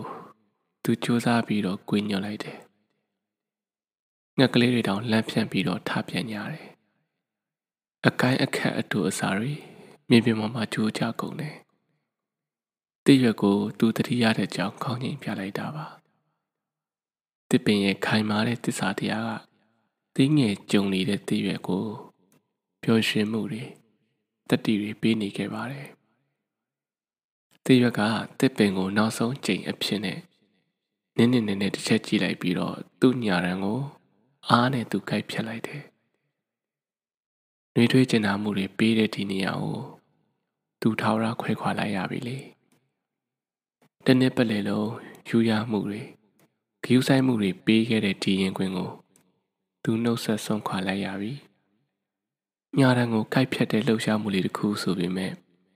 တည့်ရွက်မှာတော့အာရင်နဲ့ကုန်ခန်းသွားခဲ့ရတယ်။ညုံနဲ့ပြောညံတဲ့ခန္ဓာကိုယ်လေးတစ်ခုနဲ့မြေပြင်ပေါ်ကိုအကူကြီးမဲ့စွာနဲ့သူလင်းစင်ကြွေကြလာခဲ့တယ်။တစ်ပင်ရဲ့နင်းကိုငါချစ်တယ်ဆိုတဲ့စကားကိုတော့သူနားမထောင်ခဲ့လိုက်ရဘူးလေ။တစ်ပင်ရဲ့နှလုံးသားကလည်းကွဲချီသွားခဲ့ရပြီ။ တည့်ရွက်လေးကိုနေဖို့အတွက်သူတားခဲ့တာလေမအောင်မြင်ခဲ့ဘူးတည့်ရွက်လေးလွင့်စင်ကြွေကြသွားတာကိုပဲသူမမိတ်မတုံနဲ့ကြည်နေခဲ့ရတယ်လေတစ်ပင်ကြီးငါ့ကိုမမေးနဲ့နော်တဲ့တည့်ရွက်ရဲ့အတန်ကအဝေးကနေလွင့်လာစလို့ပါပဲတကယ်နာကျင်ချင်းဆိုတာမူပေမဲ့မျက်ရည်တောင်မချတဲ့အဖြစ်ပါလားဆိုတာကိုတစ်ပင်သဘောပေါက်လိုက်တယ် လေပြေတစင်းကတစ်ပင်အနာဖြတ်ပြန်လိုက်တော့တစ်ပင်ရဲ့နာကျင်ကြေကွဲမှုကိုမကြည့်ရဖြစ်ခဲ့တယ်။ဒါကြောင့်လေပြေကသူ့ခန္ဓာကိုယ်နဲ့တစ်ရွက်ကိုတဖြည်းဖြည်းချင်းမြောက်ချီပြီးတော့တစ်ပင်အနာရအောင်ပို့ပေးဖို့ကြိုးစားခဲ့သေးတယ်။အဲ့ဒီချိန်မှာပဲတစ်ရွက်ကခေါင်းခါပါတယ်။ဆောင်းရာသီမှာတစ်ပင်ကကျွတ်ဆက်ပါတယ်။တကယ်လို့ငါသာမခွဲခွာရင်ငါ့ကိုကြူးဆိုင်ဆောက်ရှောက်ဖို့ဆိုပြီးတော့ တစ်ပင်ကသူ့ကိုယ်သူခူးမဆိုင်ဖဲနေလိမ့်မယ်ဒီဆောင်ကိုသူလုံးလုံးချုံချုံမဖြတ်တန်းနိုင်မယ်ဖြစ်လိမ့်မယ်သူ့နှလုံးသားထဲမှာငါရှိနေရင်လုံလောက်ပါပြီတဲ့ဒီစကားကိုကြားတော့လေးပြီးတစ်ချက်သိမ့်သိမ့်တုံသွားပါတယ်လက်ဆက်မှုမရှိတော့တဲ့ရော်ရွက်ဝါလေးကသူ့မျက်စိထဲမှာတမျိုးလှနေပါတယ်လေရဲ့အကူကြီးကိုညင်းဆန်လိုက်တဲ့တည့်ရွက်လေးကလေထဲမှာနှစ်ပတ်လောက်ဂျုံပြန်ပြီးတော့ မြေပြင်ပေါ်ကိုဝင်ဆင်းသွားခဲ့ရတယ်။နာကျင်ကြည်ကွဲတဲ့ကောက်ကြောင်တစ်ခုသာလေထဲထင်ဟပ်သွားခဲ့တယ်။မသွားပါနဲ့လို့တစ်ပင်ရဲ့ခရမှုအောက်မှာတစ်ရွက်လေးကြွေးကြခဲ့ရတယ်။တစ်ပင်ကိုချစ်တဲ့အချစ်နဲ့တစ်ပင်ကိုတစ်ရက်လေးခွဲခွာလာခဲ့တယ်။လေပြေလေးမျက်ရည်ဝဲမိပါတယ်။ထိခိုက်နာကျင်တဲ့ခံစားမှုနဲ့အရက်လေးမျက်နှာကိုသူတိုက်ခိုက်လိုက်မိတယ် ဒါကြောင့်ပဲထင်ပါရဲ့စောင်းဥရောက်တိုင်းအမျိုးအမည်မသိတဲ့လွမ်းဆွတ်ကြည်ခွဲမှုတွေအလွမ်းထက်တွေကိုလူတိုင်းခံစားကြရတာပါဆောင်းထဲတစ်ခုလုံးမှာတစ်ပင်ဟာအထီးကျန်ကျန်နဲ့ဖြတ်တန်းခဲ့ရတယ်ငကိုရှိခဲ့တဲ့ဖြက်လက်တက်ကြွမှုတွေသူ့စီမှာပျောက်ဆုံးကုန်ခဲ့တယ်နာကျင်လန်းဆွတ်ချင်နေတာသူ့စီမှာကြံ့ရစ်ခဲ့ရတယ်လူတယောက်ကိုလွမ်းဆွတ်တာကဒီလိုပါပဲ။ နှလုံးသားကျိုးပဲ့အော်ဟစ်ငိုကြွေးခြင်းမိမဲ့အတန်ထွက်မလာနိုင်တဲ့အဖြစ်မျိုးပါလားဒီဆောင်ရဲ့ပထမဆုံးနင်းကတော့တဖွဲဖွဲကြာနေခဲ့တယ်လောကကြီးတစ်ခုလုံးကိုငွေမုံနေနဲ့ကျဲပတ်လိုက်သလိုမြင်မြင်သမျှအရာတွေကလည်းဖြူစွတ်နေခဲ့တယ်တစ်ပင်ကနင်းတုရဲ့ကြားထဲမှာသူ့ကိုယ်သူဖွက်ထားလိုက်မိတယ်ဒီဆောင်ရဲ့ဆိုးဝါးတဲ့အေးဆက်မှုတွေကို တစ်ပင်ကြံ့ကြံ့ခံနိုင်ခဲ့ပေမဲ့တိရွက်ကိုလွမ်းဆွတ်တဲ့ဝေဒနာတန်ကိုတော့သူမခံနိုင်ခဲ့ဘူးဒီနှစ်ဆောင်းကနှစ်တစ်နှစ်တာကိုဖျက်ကျော်နေရတယ်လို့ပဲရှည်လျားလိုက်တာနှွေဦးကိုရောက်လာခဲ့ပါပြီလေးပင်နဲ့ခြေလမ်းနဲ့နှွေဦးကတော့ဒီတောအုပ်ကြီးတစ်ခုလုံးကိုနှွေထွေးမှုတွေပေးဖို့ရောက်လာခဲ့တယ်တစ်ပင်ကတော့မျက်စိကိုမှိတ်ပြီးတော့ငြိမ်ငြိမ်သက်သက်ရှိနေသေးပါပဲ။ တကယ်လို့မျက်စိတွေကိုသူဖွင့်ကြည့်လိုက်ရင်တည့်ရနဲ့သူပျော်ရွှင်ကြည်နူးခဲ့တဲ့အရေးတွေကိုသူပြန်မြင်ရောက်လာမိတယ်။အခုတော့တည့်ရလေးမရှိတဲ့အတွက်မျက်စိတွေကိုသူဖွင့်မနေတော့ပါဘူး။အချိန်ကာလဘယ်လောက်ကြာမှန်းမသိတစ်ပင်ရဲ့နဘေးမှာအမျိုးမြင်မသိတဲ့လှပတဲ့ပန်းလေးတွေဖူးပင်လာခဲ့တယ်။ပန်းလေးကအရန်လှပြီးတော့ဆွဲဆောင်မှုရှိတော့ပန်းရဲ့ဘေးမှာလိပ်ပြားတွေကလည်း အုပ်စုလိုက်ကိုနေတိုင်းအခါစားဝင်နေတော့တာပေါ့ဒါပေမဲ့ပန်းလေးကတော့88ဆက်ပါပဲစိတ်လှုပ်ရှားရင်ခုန်တာမျိုးလည်းမရှိခဲ့ဘူးတခုရှိတာကသူဟာသူ့နဲ့ဘေးကတစ်ပင်ကြီးကိုပဲနှစ်လုံမှုတွေရှိနေခဲ့တယ်တစ်ပင်ဘေးမှာနေပြီးတော့သူနေတိုင်းသချင်းဆိုတယ်စကားတွေပြောတယ်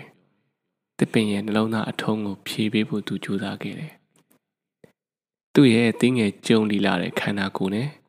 နူးညံ့ကျင်နာမှုတွေတည့်ရမှာရှိခဲ့တဲ့ပုံရိပ်တွေပါပဲပန်းရဲ့ထွက်ပေါ်လာမှုကတစ်ပင်ရဲ့ဝေဒနာတချို့တစ်ဝက်ကိုတက်တာစေခဲ့တာတော့အမှန်ပါပန်းနာမည်ကိုတစ်ပင်မသိပါဘူးလှပတဲ့ပန်းပန်းကလေးလိုပဲတစ်ပင်ကခေါ်ခဲ့တယ်လားတွေတဖြည်းဖြည်းကျော်လွန်လာခဲ့တယ်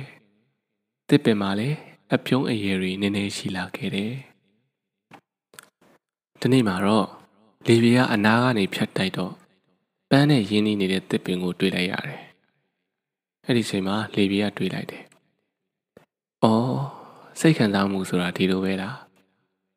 ဆောင်းနှလေးတစ်ခုဖြတ်ကျော်လိုက်တာနဲ့တစ်ပင်ကတိရွက်ကိုမေးသွားခဲ့ပြီလို့တပြင်းချကောင်းခါတယ်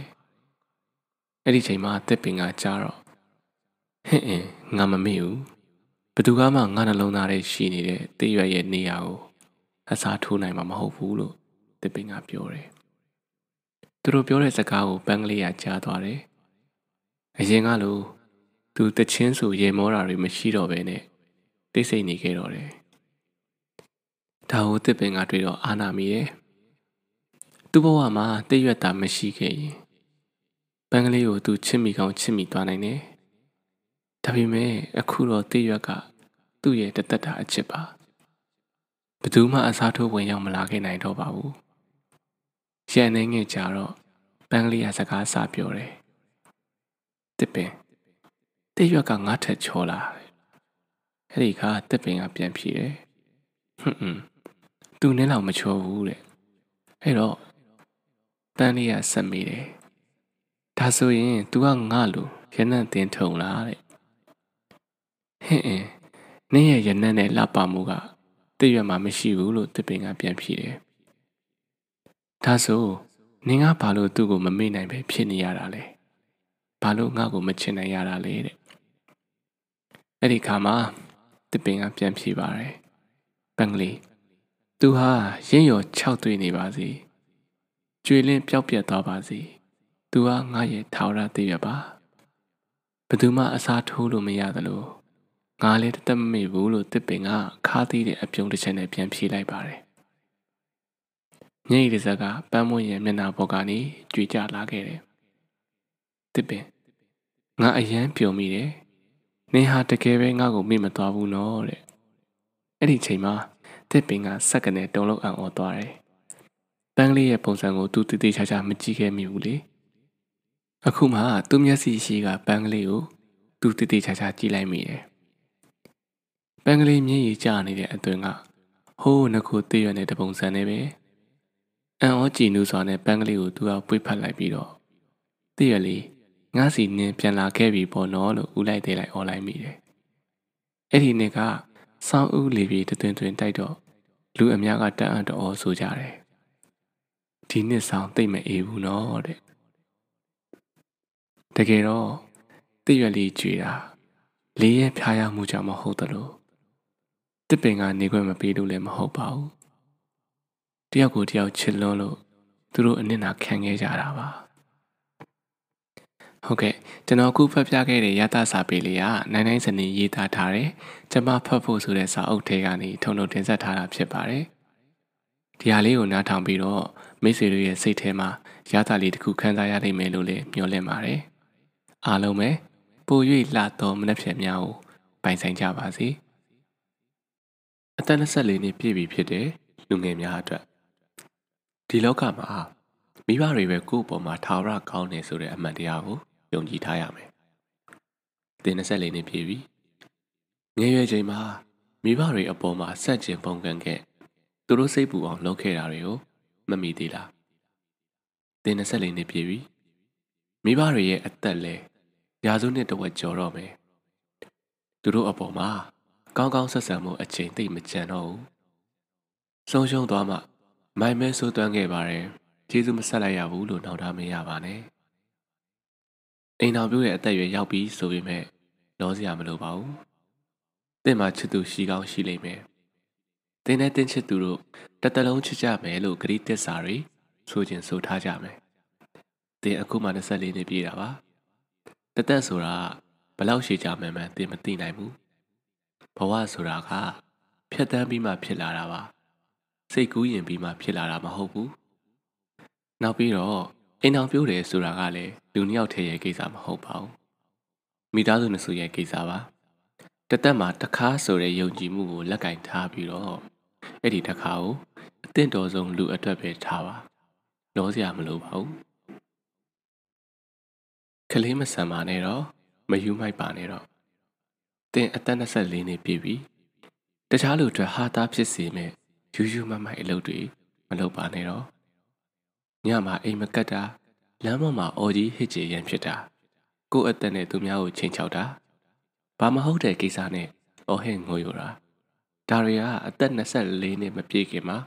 ယူမိုက်ခဲ့တွေ့ကြုံခဲ့ပြီးသားအရာတွေပါအခုအသက်24နှစ်ပြည့်တော့ရင်းချက်နားလည်မှုတွေရှိတင်ပါပြီမင်းကလေးဆိုတာက ဂုံရှိရှိနဲ့ဝင်ကြွားစွာ ရှင်းတန်နေထိုင်တဲ့နဲ့သူတစ်ပါးအချစ်ကိုရဖို့အတွက်ကိုကိုကိုတင်ငယ်နှိမ့်ချနေစရာမလိုပါဘူးအထီးကျန်အဖော်မဲလို့ဆိုပြီးတော့ကြီးစားထားတာမျိုးတွေမဖြစ်ပါစေနဲ့တင်24နှစ်ပြည့်ပြီကိုဘဝကိုကိုတာဝန်ယူတတ်ဖို့တင်ယူရပါလိမ့်မယ်ကိုကြိုက်နေတတ်တဲ့အရာကိုတခြားလူစီကနေလက်ဆောင်ရဖို့မမျှော်လင့်ပါနဲ့တော့တင်24နှစ်ပြည့်ပြီ အရင်တော့ကမြူတူတူစော့ကစားခဲ့တယ်လို့မျိုး easily ဆိုတာလည်းမရှိသင့်တော့ဘူးကိုကြိုက်နေတတ်တဲ့အရာကိုတခြားသူဝယ်ပေးတာမျိုးတခြားသူစီကနေလက်ဆောင်ရဖို့မျှော်လင့်တာမျိုးလည်းမရှိသင့်တော့ဘူးကိုအားကိုကိုတင်ပါပြီဝင်ငွေမှလည်းကိုအားကိုကိုတဲ့အခြေခံလောက်တော့ရှိသင့်ပြီတကယ်လို့ယောက်ျားလေးတယောက်ကတင်းနဲ့မတူမတန်ဘူးလို့ပြောလာခဲ့ရင်သူ့စကားကိုယုံကြည်လိုက်ပါ တင်းနဲ့မလိုက်ဖက်ဘူးမတူမတန်ဘူးလို့ကိုကိုကိုပြောလာတဲ့ယောက်ျားကတင်းနဲ့တစ်သက်လုံးလဲလိုက်ဖက်မှာမဟုတ်ဘူးအားထားထိုက်မှာမဟုတ်ဘူးတန်ဖိုးထားတယ်ဆိုတာခွန်အားနဲ့မဆိုင်ဘူးငွေကြေးနဲ့မဆိုင်ပါဘူးပြတ်သားတဲ့ရီမန်းချက်နဲ့အဲ့ဒီရီမန်းချက်အတွက်ကြိုးစားပါတင်း24နှစ်ပြည့်ပြီနိုင်ငံခြားထွက်ပြီးတော့ကြောင်းဆက်တက်မလားအလုပ်ရှာမလားအတစ်တစ်ခုခုကိုတင်ယူမလား တင်24နှစ်ပြည့်ပြီလူမှုကွန်ရက်ထဲကိုတင်ခြေဝင်ဆက်မှုနီးလာပြီအဲ့ဒီအတွက်တင်အစင်သင်းဖြစ်နေပြီလားလုံးမယ်လို့ဆုံးဖြတ်ထားတဲ့အရာကိုဖြစ်အောင်လုပ်ပါတခါတလေကိုကိုကိုစီကံတင်ချက်တင်တယ်ဆုံးဖြတ်ချက်ခိုင်မာတဲ့နဲ့ကိုကိုကိုတနာနေရင်ပြောညံ့နေရင်ဘာမှဖြစ်လာမှာမဟုတ်ဘူး။သင်24နှစ်ပြည့်ပြီ။ လက်တွေ့ဘဝကိုရင်ဆိုင်တက်ရပါတော့မယ်။ရှောင်လွှဲလိုက်တာမျိုးစိတ်ကူးရင်တာမျိုးတွေမရှိသင့်တော့ဘူး။နာကျင်ထိခိုက်စေခဲ့တဲ့သူတွေကိုကျေးဇူးတင်ပါ။အသက်24နှစ်ပြည့်တဲ့နေ့မှာတင့်ကိုထိခိုက်နာကျင်စေခဲ့သူတွေကိုလက်ပြနှုတ်ဆက်လိုက်ပါ။သူတို့ကိုကျေးဇူးတင်ပါ။တည်ကြည်ပြီးလာခဲ့ပြီ။ထိခိုက်နာကျင်တာတချို့ကိုတဲ့တဲ့ရင်ဆိုင်ရပါလိမ့်မယ်။တချို့နာကျင်မှုတွေက တင့်ကိုကောင်းတဲ့သင်ခန်းစာတွေပေးပါလိမ့်မယ်။လှည့်ထွက်တာကမျက်ရည်ကျတာထက်မြန်ရမယ်။တင်း24နှစ်ပြည့်ပြီ။ဘယ်သူမှတင့်ကိုခလေးလိုသဘောထားတော့မှာမဟုတ်ဘူး။ကို့အမားကိုကိုယ်တိုင်တာဝန်ယူတတ်ရပါတော့မယ်။တင်း24နှစ်ပြည့်ပြီ။နာကျင်ဝမ်းနည်းမှုတွေအခက်ခဲတွေကိုခံနိုင်ရရှိဖို့တင်ကြိုးစားရပါလိမ့်မယ်ဒါတွေဟာဖြစ်ပြီးသွားရင်ပြတ်သွားမယ့်အရာတွေပါ ငါတတိရှိရှိလုံနိုင်တယ်ကိုကိုကိုအမြင်အားပေးပါတခြားသူရဲ့ရှေ့မှာဘယ်တော့မှမျက်ရည်မကျစေပါနဲ့တင်းမျက်ရည်ကိုသူတို့မြင်ပန်များလာရင်သင်ဟာပြောညံ့သူဆိုတာသူတို့အလိုလိုသိသွားပါလိမ့်မယ်တယောက်တည်းဖြစ်တဲ့အခါဝမ်းနေစိတ်ဝင်လာရင်လည်းဝင်မယ်ဒါပေမဲ့ကိုကိုကိုနှစ်သိမ့်မှုမမေ့ပါနဲ့ဘလို့ပဲဝမ်းနည်းစိတ်တွေဝင်ဝင်မနှက်ဖြံမှာဆက်လက်ရှောင်လန်းရအောင်မယ်လေတ ယောက်တည်းဖြစ်တဲ့အခါအထီးကျန်စိတ်တွေဝင်ရင်လဲဝင်လာမယ်ဒါပေမဲ့ကိုကိုကိုပွေဖက်ဖို့မမေ့ပါနဲ့နှလုံးသားနှွေးနေရင်အဲ့ဒီအထီးကျန်စင်ကဘာမှမပြောပါတော့ပါဘူးတယောက်တည်းဖြစ်တဲ့အခါအကူညီမဲ့တဲ့စိတ်တွေဖြစ်ရင်လည်းဖြစ်မယ်ဒါပေမဲ့လူတိုင်းကိုလန်းကိုရှောက်ရတယ်ဆိုတာကိုကိုကိုသတိပေးဖို့မမေ့ပါနဲ့ဘယ်သူကမှတစ်သက်လုံးကိုအဖို့အဖြစ်နဲ့လိုက်ပါရှောက်လန်းနိုင်မှာမဟုတ်ဘူးလေ တယောက်တည်းဖြစ်တဲ့အခါအားငယ်ပျော်ညံစိတ်ဝင်ရင်လဲဝင်မယ်ဒါဒါပေမဲ့ကိုကိုကိုအားပေးဖို့မမေ့ပါနဲ့ကိုရဲရဲမှအပြောင်းလဲများတဲ့ဒီလောကကြီးထဲမှာဘလို့တောင့်ခံမဲ့ဆိုတာကိုသင်ယူနိုင်ပါလိမ့်မယ်တယောက်တည်းဖြစ်တဲ့အခါစိတ်ရှုပ်စရာတွေတွေးကောင်းတွေးမိမယ်ဒါပေမဲ့ကိုယ်ခံစားချက်ကိုထိန်းချုပ်တတ်ဖို့မမိပါနဲ့ကိုယ်စိတ်ခံစားချက်အပြတ်နဲ့ ကိုယ်အတွက်အရေးပါတဲ့သူတွေကိုလည်းမထိခိုက်မိပါစေနဲ့တယောက်တည်းဖြစ်တဲ့အခါကိုကိုကိုပိုကယူဆိုင်ဖို့မမေ့ပါနဲ့အေးရင်အနှွေးတဲ့ဝက်ဖို့မမေ့ပါနဲ့ဝမ်းနေရင်ကိုကိုကိုနှစ်သိမ့်ဖို့မမေ့ပါနဲ့ဖျားနိုင်ရင်စေးတောက်ဖို့မမေ့ပါနဲ့စားရင်ထစားဖို့မမေ့ပါနဲ့မိုးရွာရင်ကြီးဆောင်မှုမမေ့ပါနဲ့တယောက်တည်းဖြစ်တဲ့အခါစာအုပ်တအုပ်တချင်းတစ်ပုတ် ရုပ်ရှင်ကားကောင်းကောင်းလေးတစ်ခုနဲ့အဖို့ပြုလိုက်ပါလူပင်မန်းရင်နားရတယ်လို့စိတ်ပင်ပန်းရင်လည်းတိတ်ဆိတ်ငြိမ်သက်ရပါတယ်တယောက်တည်းဖြစ်တဲ့အခါကိုကိုကိုစောင့်ရှောက်ပါအပြောကျတဲ့လောကကြီးထဲမှာကိုယ့်ဘော်တကယ်စိတ်ကောင်းစေတနာထားတဲ့လူတွေသိမများနိုင်ဘူးတစ်ချိန်လုံးတင့်ပေးမှအဖို့ပြုတ်ပေးမယ်သူမရှိနိုင်ဘူးဒါကြောင့်တင့်ကိုယ်တိုင်အတွက်တင်အလေးထားတဲ့သူတွေအတွက်တ င့်ကိုယ်တင်ပို့ကူးဆိုင်ရပါလိမ့်မယ်လောကကြီးမှာအရှိဆုံးအကွာဝေးဆိုတာအုံနောက်ကနေရင်ဘက်ကိုသွားတဲ့အကွာဝေးပဲဖြစ်တယ်။ဒီအကွာဝေးအတွက်လူတချို့ကဘဝတသက်တာကိုအသုံးပြုကြရတယ်။တနည်းပြောရမယ်ဆိုရင်အုံနောက်ကနေရင်ဘက်ထဲကိုစီးသွားတဲ့ကိုချင်းစာစိတ်တွေကျင်နာတဲ့စိတ်တွေဘီယူနာစိတ်တွေတနာချစ်ခင်စိတ်တွေဖြစ်တယ်။ဘဝမှာ ကိုနဲ့အခြေအနေမတူတဲ့သူတွေကိုလက်ခံတတ်ဖို့ငါတို့အားလုံးကလူတွေပဲဆိုတဲ့မေတ္တာထားခြင်းကလေတာထွက်ကြရတယ်။ဒါဟာအသက်တည်ဆုံးတဲ့အထိကြိုးစားတင်ယူရတဲ့သင်ခန်းစာကြီးတစ်ခုပဲဖြစ်တယ်။မနှက်ဖြန်ကဘသူအတွက်မှအာမခံချက်မရှိဘူး။လူငယ်အတွက်ပဲဖြစ်ဖြစ်လူကြီးအတွက်ပဲဖြစ်ဖြစ်ဒီကနေ့ဟာမင်းချက်တဲ့သူကိုမင်းနောက်ဆုံးအချိန်တွေ့ရခြင်းလည်းဖြစ်နိုင်တယ်။ဒါကြောင့် မဆောင်ပါနဲ့။ဒီကနေ့ပဲစတင်လိုက်ပါ။တကယ်လို့မနှက်ဖြန်ဆိုတာရောက်မလာခဲ့ရင်ဒီကနေ့မှမင်းမပြုံးရခဲ့မိလို့မပွေးဖက်ခဲ့မိလို့မနှမ်းခဲ့မိလို့ဆိုပြီးတော့နောက်ရရကောင်ရလိမ့်မယ်အလုပ်တွေများနေခဲ့လို့ဒါတွေဟာနောက်ဆုံးပဲဖြစ်ခဲ့ရတယ်ဆိုပြီးတော့တင်ဝဲနေကောင်ဝဲနေရလိမ့်မယ်တင်ချစ်တဲ့တဲ့နဲ့ဘေးရလူတွေကိုကြည့်ဥဆိုင်ပါစောင့်ရှောက်ပါသူတို့ကိုတင်ဘလောက်လိုအပ်ကြောင်းပြောပြပါ သူတို့ကိုချစ်ပါကောင်းကောင်းဆက်ဆံပါအချိန်အနည်းငယ်ကိုအသုံးပြုပြီးတော့သူတို့ကို sorry ပဲခွင့်လွတ်ပါကျေးဇူးတင်ပါတယ်စတဲ့စကားတွေကိုပြောပါပြီးတော့မင်းသေးသမားချစ်ခင်နှစ်လိုပဲကောင်းတဲ့စကားတွေကိုပြောပါတဲ့ဒီစာပိုက်လေးက1982ခုနှစ်စာပေနိုဘယ်ဆုရခဲ့တဲ့ကိုလံဘီယာစာရေးဆရာကြီးဂါဘရီယယ်မာခွေက သူမသေးခင်နှုတ်ဆက်စာအဖြစ်နဲ့ရေးခဲ့တဲ့စာပါစိတ်ကူးအိမ်မက်ကကြီးကျယ်မြင့်မြတ်တဲ့အပေါ်မှာမမူတည်နေဘူးဇွဲလုံးလာကြန့်ခိုင်မှုအပေါ်မှာပဲမူတည်နေတာပါအခွင့်အရေးဆိုတာရှာဖွေမှပဲရတယ်ကိုစီကိုလာမှာမဟုတ်ဘူးဝင်ပလွေဖြစ်နေရင်တွားတွေကိုထပ်အောင်တွေးထားလိုက်တိုးဖြစ်နေရင်တော့အပြေးတန်အောင်ကျင့်ထားလိုက်ရုံးကန်လှုပ်ရှားတယ်ဆိုတာဘာလဲ ရုံးကန်လှုပ်ရှားတယ်ဆိုတာကရက်တရက်တိုင်းကိုခက်ခဲပင်ပန်းစွာဖျက်တမ်းရပေမဲ့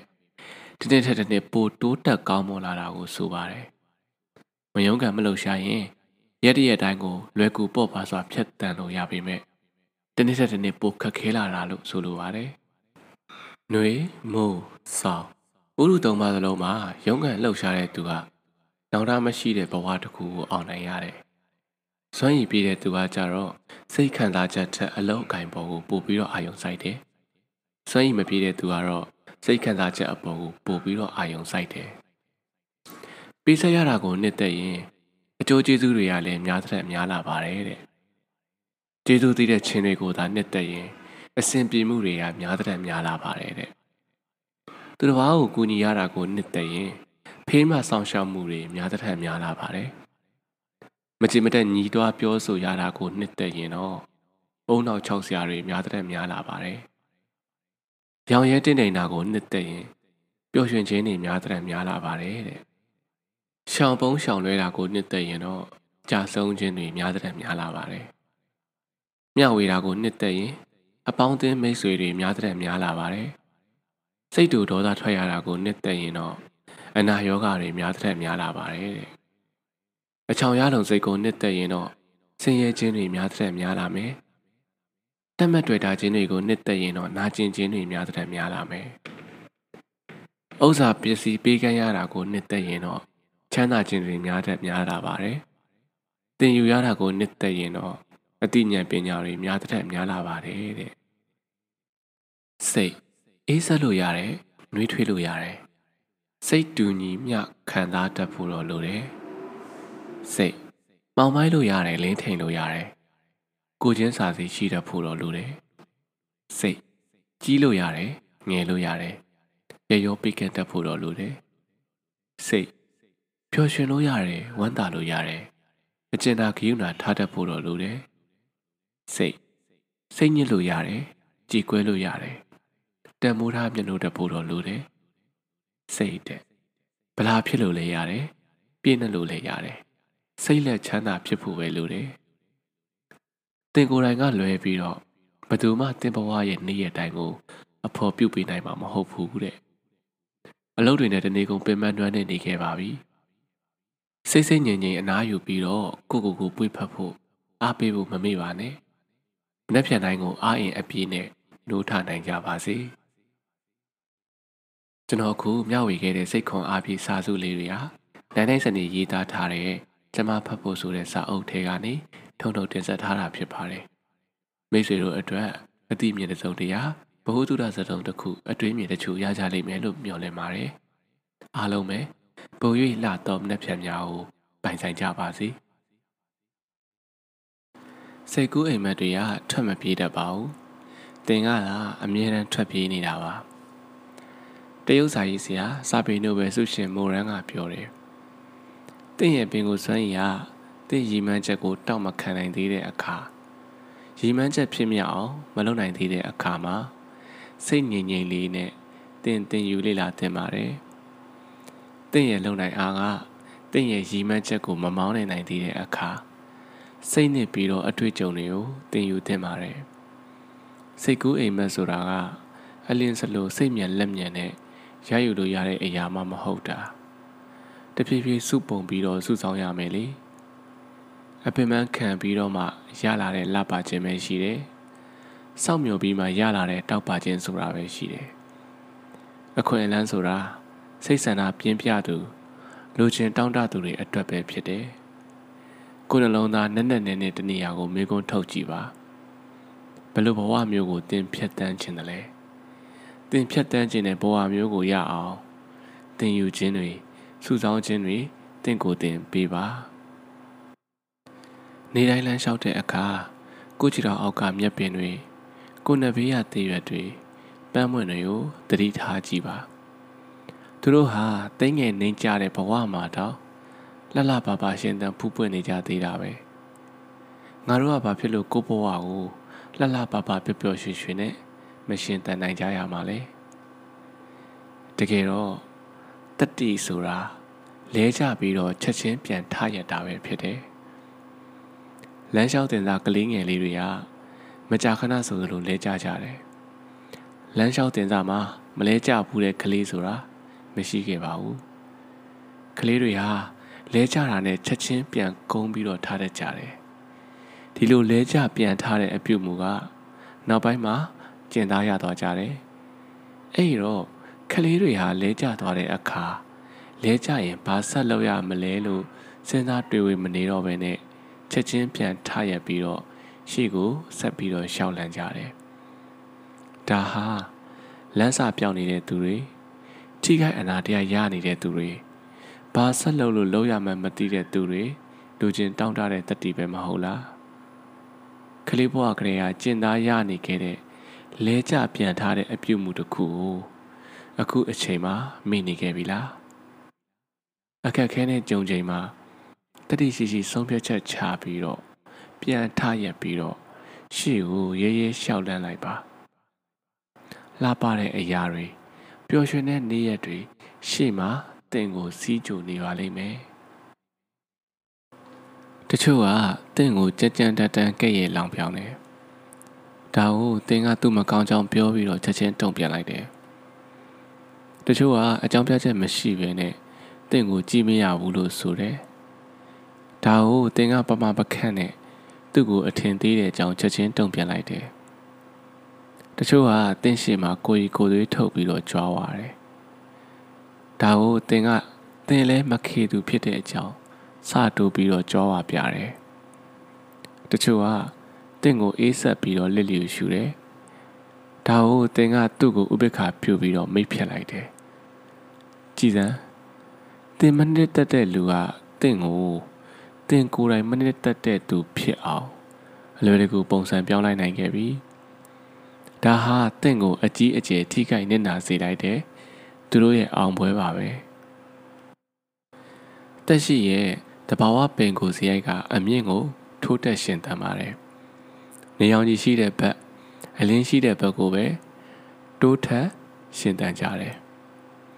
တကယ်လို့ကျွန်တော်တို့ကနေအောင်ကြီးလို့ကို့အနီးနားမှာရှိတဲ့သူတွေကိုနှွေးထွေးကျင်လာတဲ့ queue ဆိုင်မှုတွေပေးရင်ဘာကိစ္စမဆိုအကောင့်ဘက်ကိုဥတီပြောင်းလဲသွားနိုင်ပါတယ်လူညံ့ကျင်လာခြင်းမှာရန်သူမရှိပါဘူးပြိုင်ဘက်မရှိဘူးတင်ကိုယ်တိုင်ကစပြီးတော့ပြောင်းလဲလိုက်ရင် လောကကြီးကပို့ပြီးတော့လှပလာပါလိမ့်မယ်ဘသူကမှတင့်အတွက်နဲ့တော့ပြောင်းလဲတတ်မှာမဟုတ်ဘူးဒါပေမဲ့ တင့်ရဲ့စိတ်ကောင်းစေတနာကောင်းတွေချစ်ကြည်မှုတွေကိုသူတို့ခံစားမိလာတဲ့အချိန်မှာတင်တဲ့အတူသူတို့လည်းလိုက်ပြီးတော့ပြောင်းလဲတက်လာပါလိမ့်မယ်စိတ်ထဲမှာနေအောင်ရှိနေရင်အပြင်မှာမိုးရွာတာကိုမကြောက်တော့ဘူးစိတ်ထဲမှာအလင်းရောင်ရှိနေရင်အမောင်လာမှာကိုလည်းမစိုးရင်တော့ဘူးစိတ်ထဲမှာအောင်မြင်လို့စိတ်ရှိနေရင်တွေ့ကြုံရတဲ့အခက်အခဲနဲ့ပင်ပန်းခြင်းတွေကိုမမှုတော့ဘူး စိတ်ညစ်ရင်လည်းတရက်ပဲပျော်ရွှင်ရင်လည်းတရက်ပဲအပြင်မှာမိုးပဲရွာရွာနေပဲပူပူဘလို့စိတ်ခံစားချက်နဲ့နေရက်တွေကိုဖျက်ကျော်မယ်ဆိုတာတင်းစိတ်ကပဲအဆုံးအဖြတ်ပေးပါလိမ့်မယ်ပလင်းချင်းအတူတူဘာဖြစ်လို့မင်းရဲ့ပလင်းထဲမှာအစိတ်တွေထည့်ထားရတာလဲစိတ်ချင်းအတူတူဘာဖြစ်လို့မင်းရဲ့စိတ်ထဲမှာအုံတော့6ဆရာတွေစိတ်ညစ်ဆရာတွေပဲ ထည့်ထားရတာလဲတယောက်ယောက်ကတင်းတော်ကျော်ကိုဓာတ်နဲ့ထိုးတယ်တင်ကအဲ့ဒီဓာတ်ကိုချက်ချင်းနှုတ်ပြီးတော့သူ့ကိုပြန်ထိုးလိုက်တယ်အဲ့ဒီလူဟာတင်းရဲ့ရန်သူပဲဖြစ်တယ်တယောက်ယောက်ကတင်းတော်ကျော်ကိုဓာတ်နဲ့ထိုးတယ်တင်လက်တော့မပြန်ဘူးမြေပြင်ပေါ်မှာဒူထောက်ကြ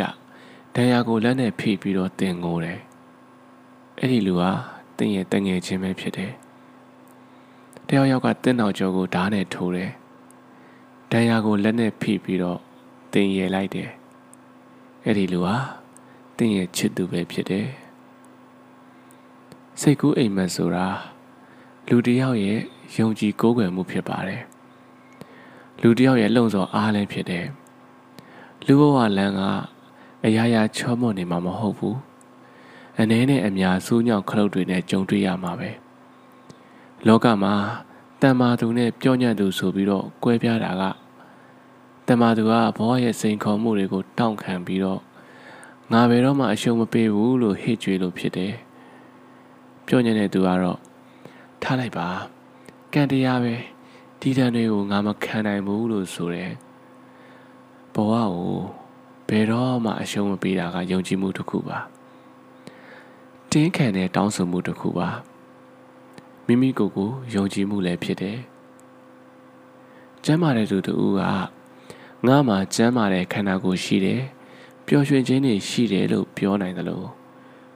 မတန်ဆန်းတဲ့လူတူကလည်းငါမှာနှလုံးခုန်နေသေးသေးငါဘဝကိုငါလက်မလွတ်ဘူးလို့ဂုံယူစွာပြောနိုင်ပါတယ်လက်လွတ်မယ်အရှုံးပေးမယ်လို့တင်စဉ်းစားလိုက်တဲ့အခါနေမင်းတစ်ပတ်လည်လာပြီငါစီရောက်ရင် တိတ်မဝေးတော့ဘူးလို့တွေးကြည့်ပါအဲ့ဒီအချိန်မှာလက်လွတ်လိုက်ရင်အောင်မြင်ခြင်းစီကိုတင်ပေတော့မှအရောက်လန်းနိုင်တော့မှမဟုတ်ဘူးဒါကြောင့်ရည်ရွယ်ရာပန်းနိုင်တစ်ခုရှိပြီဆိုရင်အဲ့ဒီပန်းနိုင်စီကိုအရောက်လန်းမှုကိုကိုကိုအားပေးတတ်ပါစေကလေးငယ်တိုင်းကမျိုးစိလေးတွေပါပဲပန်းပွဲတဲ့ရာသီတွေကမတူကြတာပါတချို့ပန်းတွေကစောစောစီးစီးပွင့်လန်းကြတယ် တချို့ပန်းတွေကတော့ပွင့်ဖို့တော်တော်အချိန်စောင့်ယူကြရတယ်တခြားသူရဲ့ပွင့်လန်းနေတဲ့ပန်းပင်တွေကိုကြည့်ပြီးတော့ကိုမျိုးစေ့လေးကအညောက်တောင်မပေါက်သေးပါလားဆိုပြီးတော့မစိုးရိမ်ပါနဲ့မလောပါနဲ့ပန်းတိုင်းမှာပန်းပွင့်တဲ့ရာသီဆိုတာရှိပါတယ်ကိုမျိုးစေ့ကလေးတဖြည်းဖြည်းနဲ့ရှင်တန်ကြီးပြင်းလာအောင်သာဂယူးဆိုင်ပြိုးထောင်မှုမမေ့ပါနဲ့မေတ္တာရေးလေးတွန်းဖြိုးဖို့လည်းမမေ့ပါနဲ့ ဒီလိုပြုစုယူရတာဟာလည်းပျော်ရွှင်ခြင်းတစ်မျိုးပါပဲသူရသည်ရောက်ရင်ဒီပန်းပွင့်လန်းလာမယ်ဆိုတာကိုယုံကြည်ပါတကယ်လို့တင့်မျိုးစေ့ကပန်းလုံးဝပွင့်တတ်မှာမဟုတ်ဘူးဆိုခဲ့ရင်တောင်သူဟာမြင်မာတဲ့တစ်ပင်ကြီးတစ်ပင်တော့ဖြစ်လာပါလိမ့်မယ်လူအိုယုံတယုံမှာအသက်ရာကျော်တဲ့အမေအိုတူရှိတယ်အဲ့ဒီအမေအိုက နေတိုင်းပြုံပြုံးရွှင်ရွှင်တက်တက်ကြွကြွနဲ့စားနိုင်တောင်းနိုင်ပြီးတော့လန်းဆန်းနေခဲ့တဲ့အတွက်ကြောင့်မို့လို့လူအများကသူ့စီမှာအသက်ရှည်ကျမ်းမာရခြင်းရဲ့လျှို့ဝှက်ချက်ကိုမေးမြန်းခဲ့ကြတယ်။အဲ့ဒီအခါမှာအမေအိုကအမေအခုလိုအသက်ရှည်ကျမ်းမာနေတာဟာနေတိုင်းစီနှလုံးတောက်လို့ပါ။မနက်မိုးလင်းချိန်မှာကြည်နဲ့ရောင်ရဲခြင်းဆိုတဲ့ဆေးကိုတောက်ပြီးတော့ညအိပ်ရဝန်ကနီးမှာတော့ ကျေးဇူးတင်ခြင်းဆိုတဲ့ဆေးကိုတောက်ပါတယ်လို့ဖြေလိုက်တယ်။ဒီဆေးနှမျိုးကိုနှစ်လကြာရှည်ဇွဲရှိရှိနဲ့တောက်ရင်အကျိုးထူပါတယ်။ဒီဆေးနှမျိုးကိုတောက်တိုင်းအသက်ရှည်ခြင်းမှရှိနိုင်ပေမဲ့တင့်ကိုကောင်းမွန်တဲ့စိတ်နေစိတ်ထားတစ်ခုရှိစေနိုင်တာကတော့အမှန်ပါ။နေတိုင်းငြင်းချမ်းတဲ့စိတ်ပြေဝတဲ့စိတ်နဲ့ကိုယ်ပတ်ဝန်းကျင်ကလူတွေနဲ့တဟဆာတာဖြစ်စေမှာပါ ဒီစည်းနှမျိုးကိုအမြဲတောက်သူတို့ကသူတို့ရဲ့ဘဝသူတို့ရဲ့လူနေမှုကတာမန်ရိုးစင်းနိုင်ပေမဲ့ကြည်နပ်မှုကိုရနိုင်တယ်သူတို့ဟာတခြားသူတွေနဲ့ပြိုင်ဆိုင်မနေဘူးလိုက်တူမနေဘူးဒီစည်းနှမျိုးကိုအမြဲတောက်သူကရှင်ထဲမှာကျေးဇူးတရားကိုအမြဲတည်းရစေတယ်ကိုယ့်ကိုကူညီခဲ့တဲ့သူအားပေးထောက်ခံခဲ့တဲ့သူတွေကိုကျေးဇူးတည်တတ်တယ်။အပေါင်းအဖော်တွေ မိသားစုတွေအိမ်နီးချင်းတွေလှုပ်ဖို့ကင်ဘက်တွေရဲ့ကျေးဇူးကိုတည်တယ်။ကိစ္စအသေးမွားလေးကိုတေးမှတ်ထားတဲ့သူတွေမဟုတ်ဘူး။ကို့အပေါ်မလီမစားလှုပ်လာတဲ့သူတွေကိုလည်းအညှိုးမထားတတ်ဘူး။အဖက်ဖက်မှာကောင်းမွန်ပြည့်စုံတဲ့လူတချို့ကိုတွေ့ဘူးကြပါလိမ့်မယ်။သူတို့ဟာဘဝမှာမပျော်ကြဘူး။စိုးရင်ပူပန်နေကြရတယ်မောပန်းနေကြရတယ် လူလူချင်းဆက်ဆံရေးမှာလည်းအဆင်မပြေဖြစ်ကြရတယ်ဒါဟာဘာကြောင့်လဲဆိုတော့သူတို့မှာအဖက်ဖက်ကပြည့်စုံမိမဲ့ဒီစေးနှမျိုးကိုတော့သူတို့မတောက်ခဲ့ကြလို့ပါစိတ်ခံစားချက်ကတစွထိုးလို့တဲ့အခါအသိဉာဏ်ကထိမ့်ပေးရတယ်စိတ်ခံစားချက်ကကျွန်တော်တို့ကိုဘဝရဲကချိုချင်းငံဆက်အရာတွေပျော်ရွှင်ဝမ်းနဲ့ငိုကြွေးတဲ့အရာတွေ တွေးဆုံကြုံကွဲတဲ့အရာတွေကိုခံစားစေပါတယ်။ဒါကြောင့်ဘဝကညှင်းငွေစရာမကောင်းသလိုမချောက်ကပ်နေတာပါ။အသိဉာဏ်ကတော့လှုပ်ဆောင်မှုတွေကိုထိန်းပြီးတယ်။မကောင်းတာကိုမကောင်းမှန်းသိအောင်မလုပ်တဲ့တာကိုမလုပ်မိအောင်သိစေတယ်။ဥတီယာအမှန်ကိုလည်းလမ်းညွှန်ပေးတယ်။အဲ့ဒီခံစားချက်ထဲမှာပဲတဝဲဝဲမလဲစေဖို့တတိပေးတယ်။စိတ်ခံစားချက်တွေပြင်းထန်လာတဲ့အခါ အသိဉာဏ်နဲ့ထိမ့်ပေးနိုင်ပါတယ်။တင့်အားထိခိုက်နာကျင်စေသူတွေကိုကျေးဇူးတင်ပါ။သူကြောင့်တင့်စိတ်တဲ့ပိုကြမ်းခိုင်ခဲ့လို့ပါပဲ။တင့်အားခလုတ်တိုက်လဲကြစေသူကိုကျေးဇူးတင်ပါ။သူကြောင့်တင့်ချင်တဲ့ဖက်ပိုတမ်းမာခဲ့လို့ပါပဲ။တင့်အားလိန်ညာခဲ့သူကိုကျေးဇူးတင်ပါ။သူကြောင့်တင့်အသိဉာဏ်ကိုပိုတိုးခဲ့လို့ပါပဲ။ တင့်အားအထင်မြင်သေးသူကိုကျေးဇူးတင်ပါသူကြောင့်တင့်ကိုတင်လေးစားရမယ်တီးခဲ့လို့ပါပဲတင့်အားဆော့လော့ခဲ့တဲ့သူကိုကျေးဇူးတင်ပါသူကြောင့်တင့်ကိုတင်အားကိုတက်ခဲ့လို့ပါပဲဟုတ်ကဲ့ကျွန်တော်ခုမျှဝေခဲ့တဲ့စိတ်ကောအားဖြစ်ဖွယ်စာစုလေးတွေဟာတိုင်းတိုင်းစနေရေးသားထားတဲ့ကျမဖတ်ဖို့ဆိုတဲ့စာအုပ်ထဲကနေပြန်လည်မျှဝေထားတာဖြစ်ပါတယ်မမိတ်ဆွေတို့အတွက် အကျိုးတစုံတရာအတွေးမြင်တချို့ရကြလိမ့်မယ်လို့မျှော်လင့်ပါတယ်အားလုံးပဲပို၍လှသောမနှက်ဖြန်များကိုပိုင်ဆိုင်ကြပါစေကောင်းပါလေငိုပါနဲ့မင်းကလေးတိုင်းငိုတဲ့အချိန်ရှိခဲ့ပူးကြပါလိမ့်မယ်အငိုလွယ်တဲ့မင်းကလေးအတွက်ဒီစာပိုက်လေးဟာရည်ရွယ်ပါတယ်ပျော်ရွှင်ခြင်းကိုမျက်ရည်နဲ့ဘသူလဲလှယ်နိုင်ခဲ့ဘူးတလဲ ကျမလဲခဲ့ပါတယ်လို့တချို့မိန်းကလေးတွေပြောကောင်းပြောလိမ့်မယ်မျက်ရည်နဲ့အတနာခံပြီးတော့လဲခဲ့ရတဲ့ပျော်ရွှင်ခြင်းကတကယ်ပျော်ရွှင်ခြင်းမမြည်ပါဘူးအဲ့ဒီအရာကိုကိုချင်းစာချင်းရောနေတဲ့ဂယုဏလို့ပဲပြောလို့ရတယ်ငိုပြီးတော့လေအတိတ်ထဲမှာပဲတင့်ရှင်တန်နေမယ်ဆိုရင်မငိုပါနဲ့ကောင်းပါလေဘဝမှာအရေးမပါတဲ့အရာတချို့ကြောင့်မငိုလိုက်ပါနဲ့ကောင်းပါလေ လဲကြရင်ပြန်ထရက်ပါကိစ္စမရှိပါဘူးတင်ကြုံတွေ့တဲ့အခက်ခဲများလေလေအောင်မြင်ခြင်းစီကိုတင်ရောက်ဖို့နှိကက်လာလေလေပါပဲစကားတစ်ခွန်းကဒီလိုဆိုရဲစောင်းရောက်လာပြီဆိုမှတော့ຫນွေဦးဝေးတော့မလားတဲ့ချုပ်တီးထားတာတွေကိုတင်ဖောက်ထုတ်ခြင်းရင်လူသူမရှိတဲ့နေရာတစ်ခုမှာငါဘသူလဲငါဘသူကိုကြောက်နေရမှာလဲလို့အော်ဟစ်လိုက်ပါ ငါစူးစမ်းရင်ဖြစ်တယ်ဆိုတဲ့စိတ်ထားမျိုးကိုရင်ဝယ်ပိုက်ထားပါလေပြင်းမုန်တိုင်းတွေဒီထက်ကြမ်းကျင်ကြမ်းပါစေပေါ့အရေးမပါတဲ့အရာလေးတစ်ခုဆုံးရှုံးလို့ဆိုပြီးတော့မငိုလိုက်ပါနဲ့ကောင်းပါလေဆုံးရှုံးသွားတဲ့အရာပြန်မရနိုင်တော့ပေမဲ့အသစ်တစ်ဖန်စူးစမ်းခွင့်တော့ငါတို့မှရှိသေးတယ်ပိုင်ဆိုင်ပြီးရင်ဆုံးရှုံးရတယ်ဆုံးရှုံးပြီးရင်ပိုင်ဆိုင်ရတယ်တဲ့ ဒီသဘောပါပဲသင်ကသာဆုံးရှုံးသွားရတဲ့အရာအတွက်ဝမ်းနဲ့ပူဆွေးပြီးတော့ရယူခဲ့တဲ့အရာတွေကိုတတိမမူမိခဲ့တာပါတခုခုဆုံးရှုံးသွားတဲ့အခါစိတ်ငြိမ်ငြိမ်ထားပြီးတော့ငါမှဘာရှိသေးလဲငါဘာရခဲ့သလဲဆိုတာကိုတွေးတော့ကြည့်ပါမဆုံးရှုံးခင်မှာတန်ဖိုးထားဖို့ကိုရောတင်တရိရမိခဲ့ရဲ့လား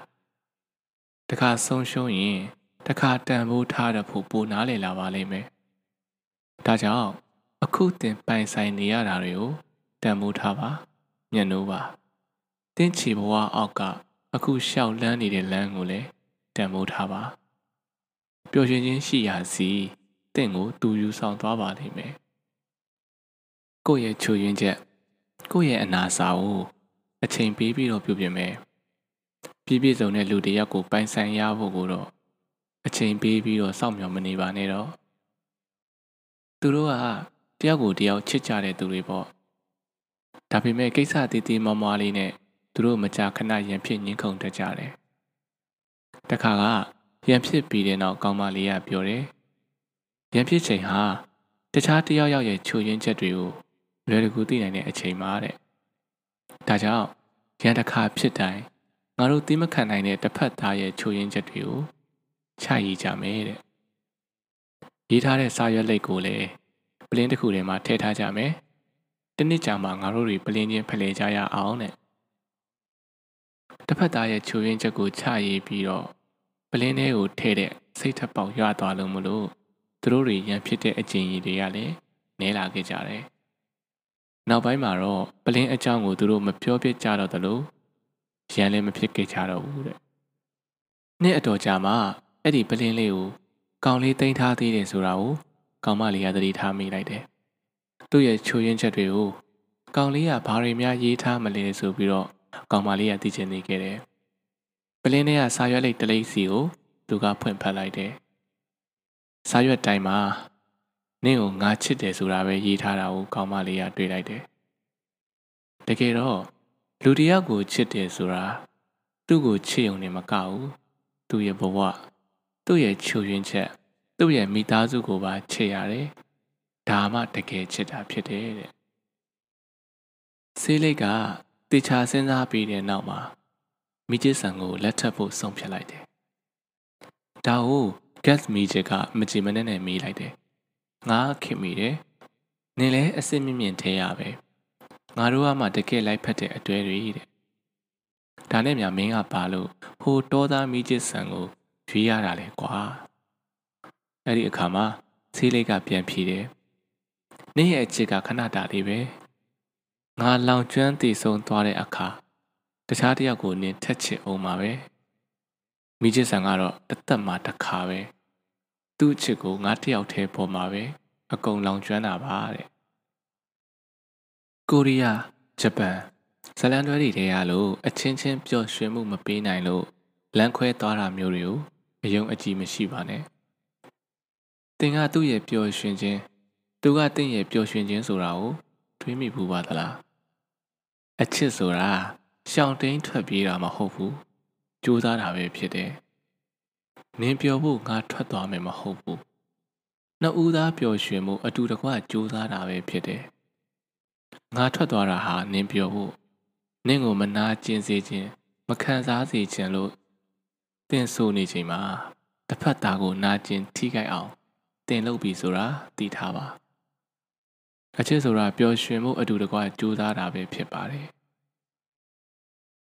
ယောက်ျားလေးတစ်ခါလောက်ပဲဆင်းရဲကြည့်ဘယ်မိန်းကလေးကတင့်ကိုတကယ်ချစ်တယ်ဆိုတာသိသွားလိမ့်မယ်မိန်းကလေးတစ်ခါလောက်ပဲရုပ်ဆိုးကြည့်ဘယ်ယောက်ျားလေးတင့်ကိုခွဲမသွားဘူးလဲဆိုတာသိသွားလိမ့်မယ်လူတစ်ယောက်ကတစ်ခါလောက်ချွတ်ချုံကြကြည့် ဒုက္ခရောက်ကြည့်ဘသူတင့်ပေါ်အလေးထားလဲဘသူတင့်အပေါ်စစ်မှန်လဲဆိုတာသိသွားလိမ့်မယ်ပလီတူကပြောတယ်တကယ်လို့မပျော်ရွှင်စိတ်မချမ်းသာရင်လက်လွတ်လိုက်ပါ သူ့ကိုသွားခွင့်ပြုလိုက်ပါတကယ်လို့လက်မလွတ်ခြင်းမစွန့်လွတ်ခြင်းရင်သူ့ကိုတီးခံနားလည်လိုက်ပါတဲ့ပလီတူကပြောတယ်ချစ်ပြီဆိုရင်လေးလေးနက်နက်ချစ်ပါစွန့်ပြီဆိုရင် လုံးလုံးလျားလျားစွန့်လိုက်ပါချစ်တယ်လို့မုန်းတယ်လို့မရေမရာမပြတ်မသားမလုပ်ပါနဲ့ဒါဟာသူ့ကိုထိခိုက်နာကျင်စေတယ်လို့ကိုကိုကိုလည်းထိခိုက်နာကျင်စေပါတယ်တဲ့ပလီတိုကပြောတယ်လူဘဝမှာအကြည်ခွဲဆုံးကလက်မလွတ်တင်တာကိုအလွယ်တကူလက်လွတ်လိုက်ပြီးတော့လက်လွတ်တင်တာကိုဆွဲရှိရှိနဲ့တောင့်ခံထားတာပဲဖြစ်တယ်တဲ့ပလီတိုကပြောတယ် ဆုံးရှုံးမှုတချို့ကဒီလိုဖြစ်လာမယ်ဆိုတာကိုကြိုတင်စီရင်ချက်ချပြီးသားတချို့ရှိရည်စက်တွေကပေါင်းဆက်ဖို့ကံပါမလာခဲ့ဘူးလူတယောက်ကိုချစ်တိုင်းပိုင်ဆိုင်ခြင်းမှပိုင်ဆိုင်ရတယ်တကယ်လို့လူတယောက်ကိုပိုင်ဆိုင်ပြီးရင်တော့သူ့ကိုကောင်းကောင်းတန်ဖိုးထားမျက်နှိုးပါတဲ့အချစ်ဆိုတာတစ်ဖက်သားရဲ့ချူရင်းချက်ကိုသိသွားသည့်တိုင်နားလေလက်ခံပေးတဲ့ခံစားချက်ပဲဖြစ်တယ် အချစ်ဆိုတာငင်းခုန်ရန်ဖြစ်ပြီးတဲ့နောက်စိတ်တူဒေါသထွက်လဲအချင်းချင်းဆုံးရှုံးသွားမှာကိုကြောက်တဲ့ခံစားချက်ဖြစ်တယ်။အချစ်ဆိုတာရင်ခုန်ခြင်းစိတ်အားထက်သန်မှုတွေညှော်နေသွားလဲအချင်းချင်းဂယုစိုက်ကျင်နာတတ်တဲ့ခံစားချက်တွေဖြစ်တယ်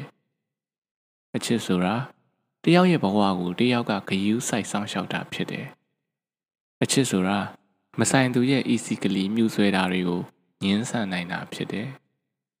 အချစ်ဆိုတာအခုလက်ရှိတင်မကအနာဂတ်မှာလည်းအတူတကွရှိနေတာဖြစ်တယ်။အချစ်ဆိုတာအခက်ခဲအားလုံးကိုနှစ်ယောက်အတူဖြတ်ကျော်ပြီးတော့တသက်လုံးကြံ့ကြံ့ခိုင်လက်တဲသွားတာပဲဖြစ်တယ်။ဒီနေ့မှာလူငယ်တယောက်ကပညာရှိကြီးတူဦးစီမှာသူသိလို့တဲ့မိကုံးတွေကိုမေးမြန်းခဲ့တယ်။အဲ့ဒီကနံပါတ်1အချက်ကတော့ ဆုံးရှုံးသွားတဲ့အရာကို ပြန်ပေးပါလို့လိုက်တောင်းဖို့လိုသလားတဲ့ဆုံးရှုံးသွားတဲ့အရာကတကယ်တော့တင့်ဟာအမှန်တကယ်မဟုတ်သေးပါဘူးဒါကြောင့်နှမျောစရာမလိုသလိုပို့ပြီးတော့တောင်းမှလိုက်တောင်းစရာမလိုပါဘူးနံပါတ်1မိကုံကဘဝဟာပင်ပန်းတော့နေဘလို့ဖြေဖြောက်ရမလဲတဲ့ဘဝပင်ပန်းရတာကတဝက်ကအသက်ရှင်နေထိုင်ရေးအတွက်နောက်တဝက်ကတော့ရမတ်လိုအင်းနဲ့ ပြိုင်ဆိုင်မှုတွေကြောင့်ပဲဖြစ်တယ်တဲ့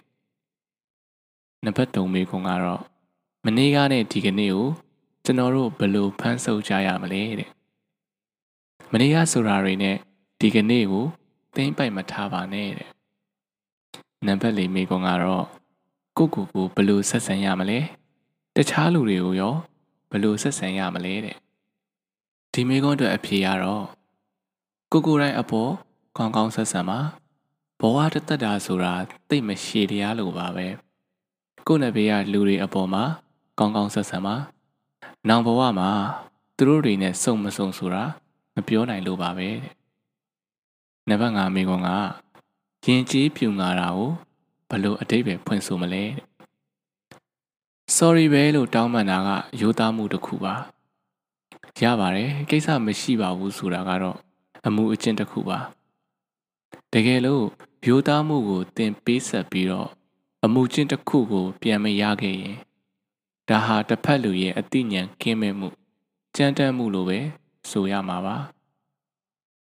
နံပါတ်6မိခွန်းကိုယ်ရည်မှန်းချက်ပန်းနိုင်ကိုဘယ်လိုအဆုံးအဖြတ်ပေးရမလဲတဲ့တကယ်လို့ဘယ်နေရာကိုဥတီပြီးတော့တင်သွားနေတယ်လို့တင်သိရင်တလောကလုံးကတင်ကိုလမ်းဖယ်ပေးပါလိမ့်မယ် နံပါတ်9မိခွန်းကတော့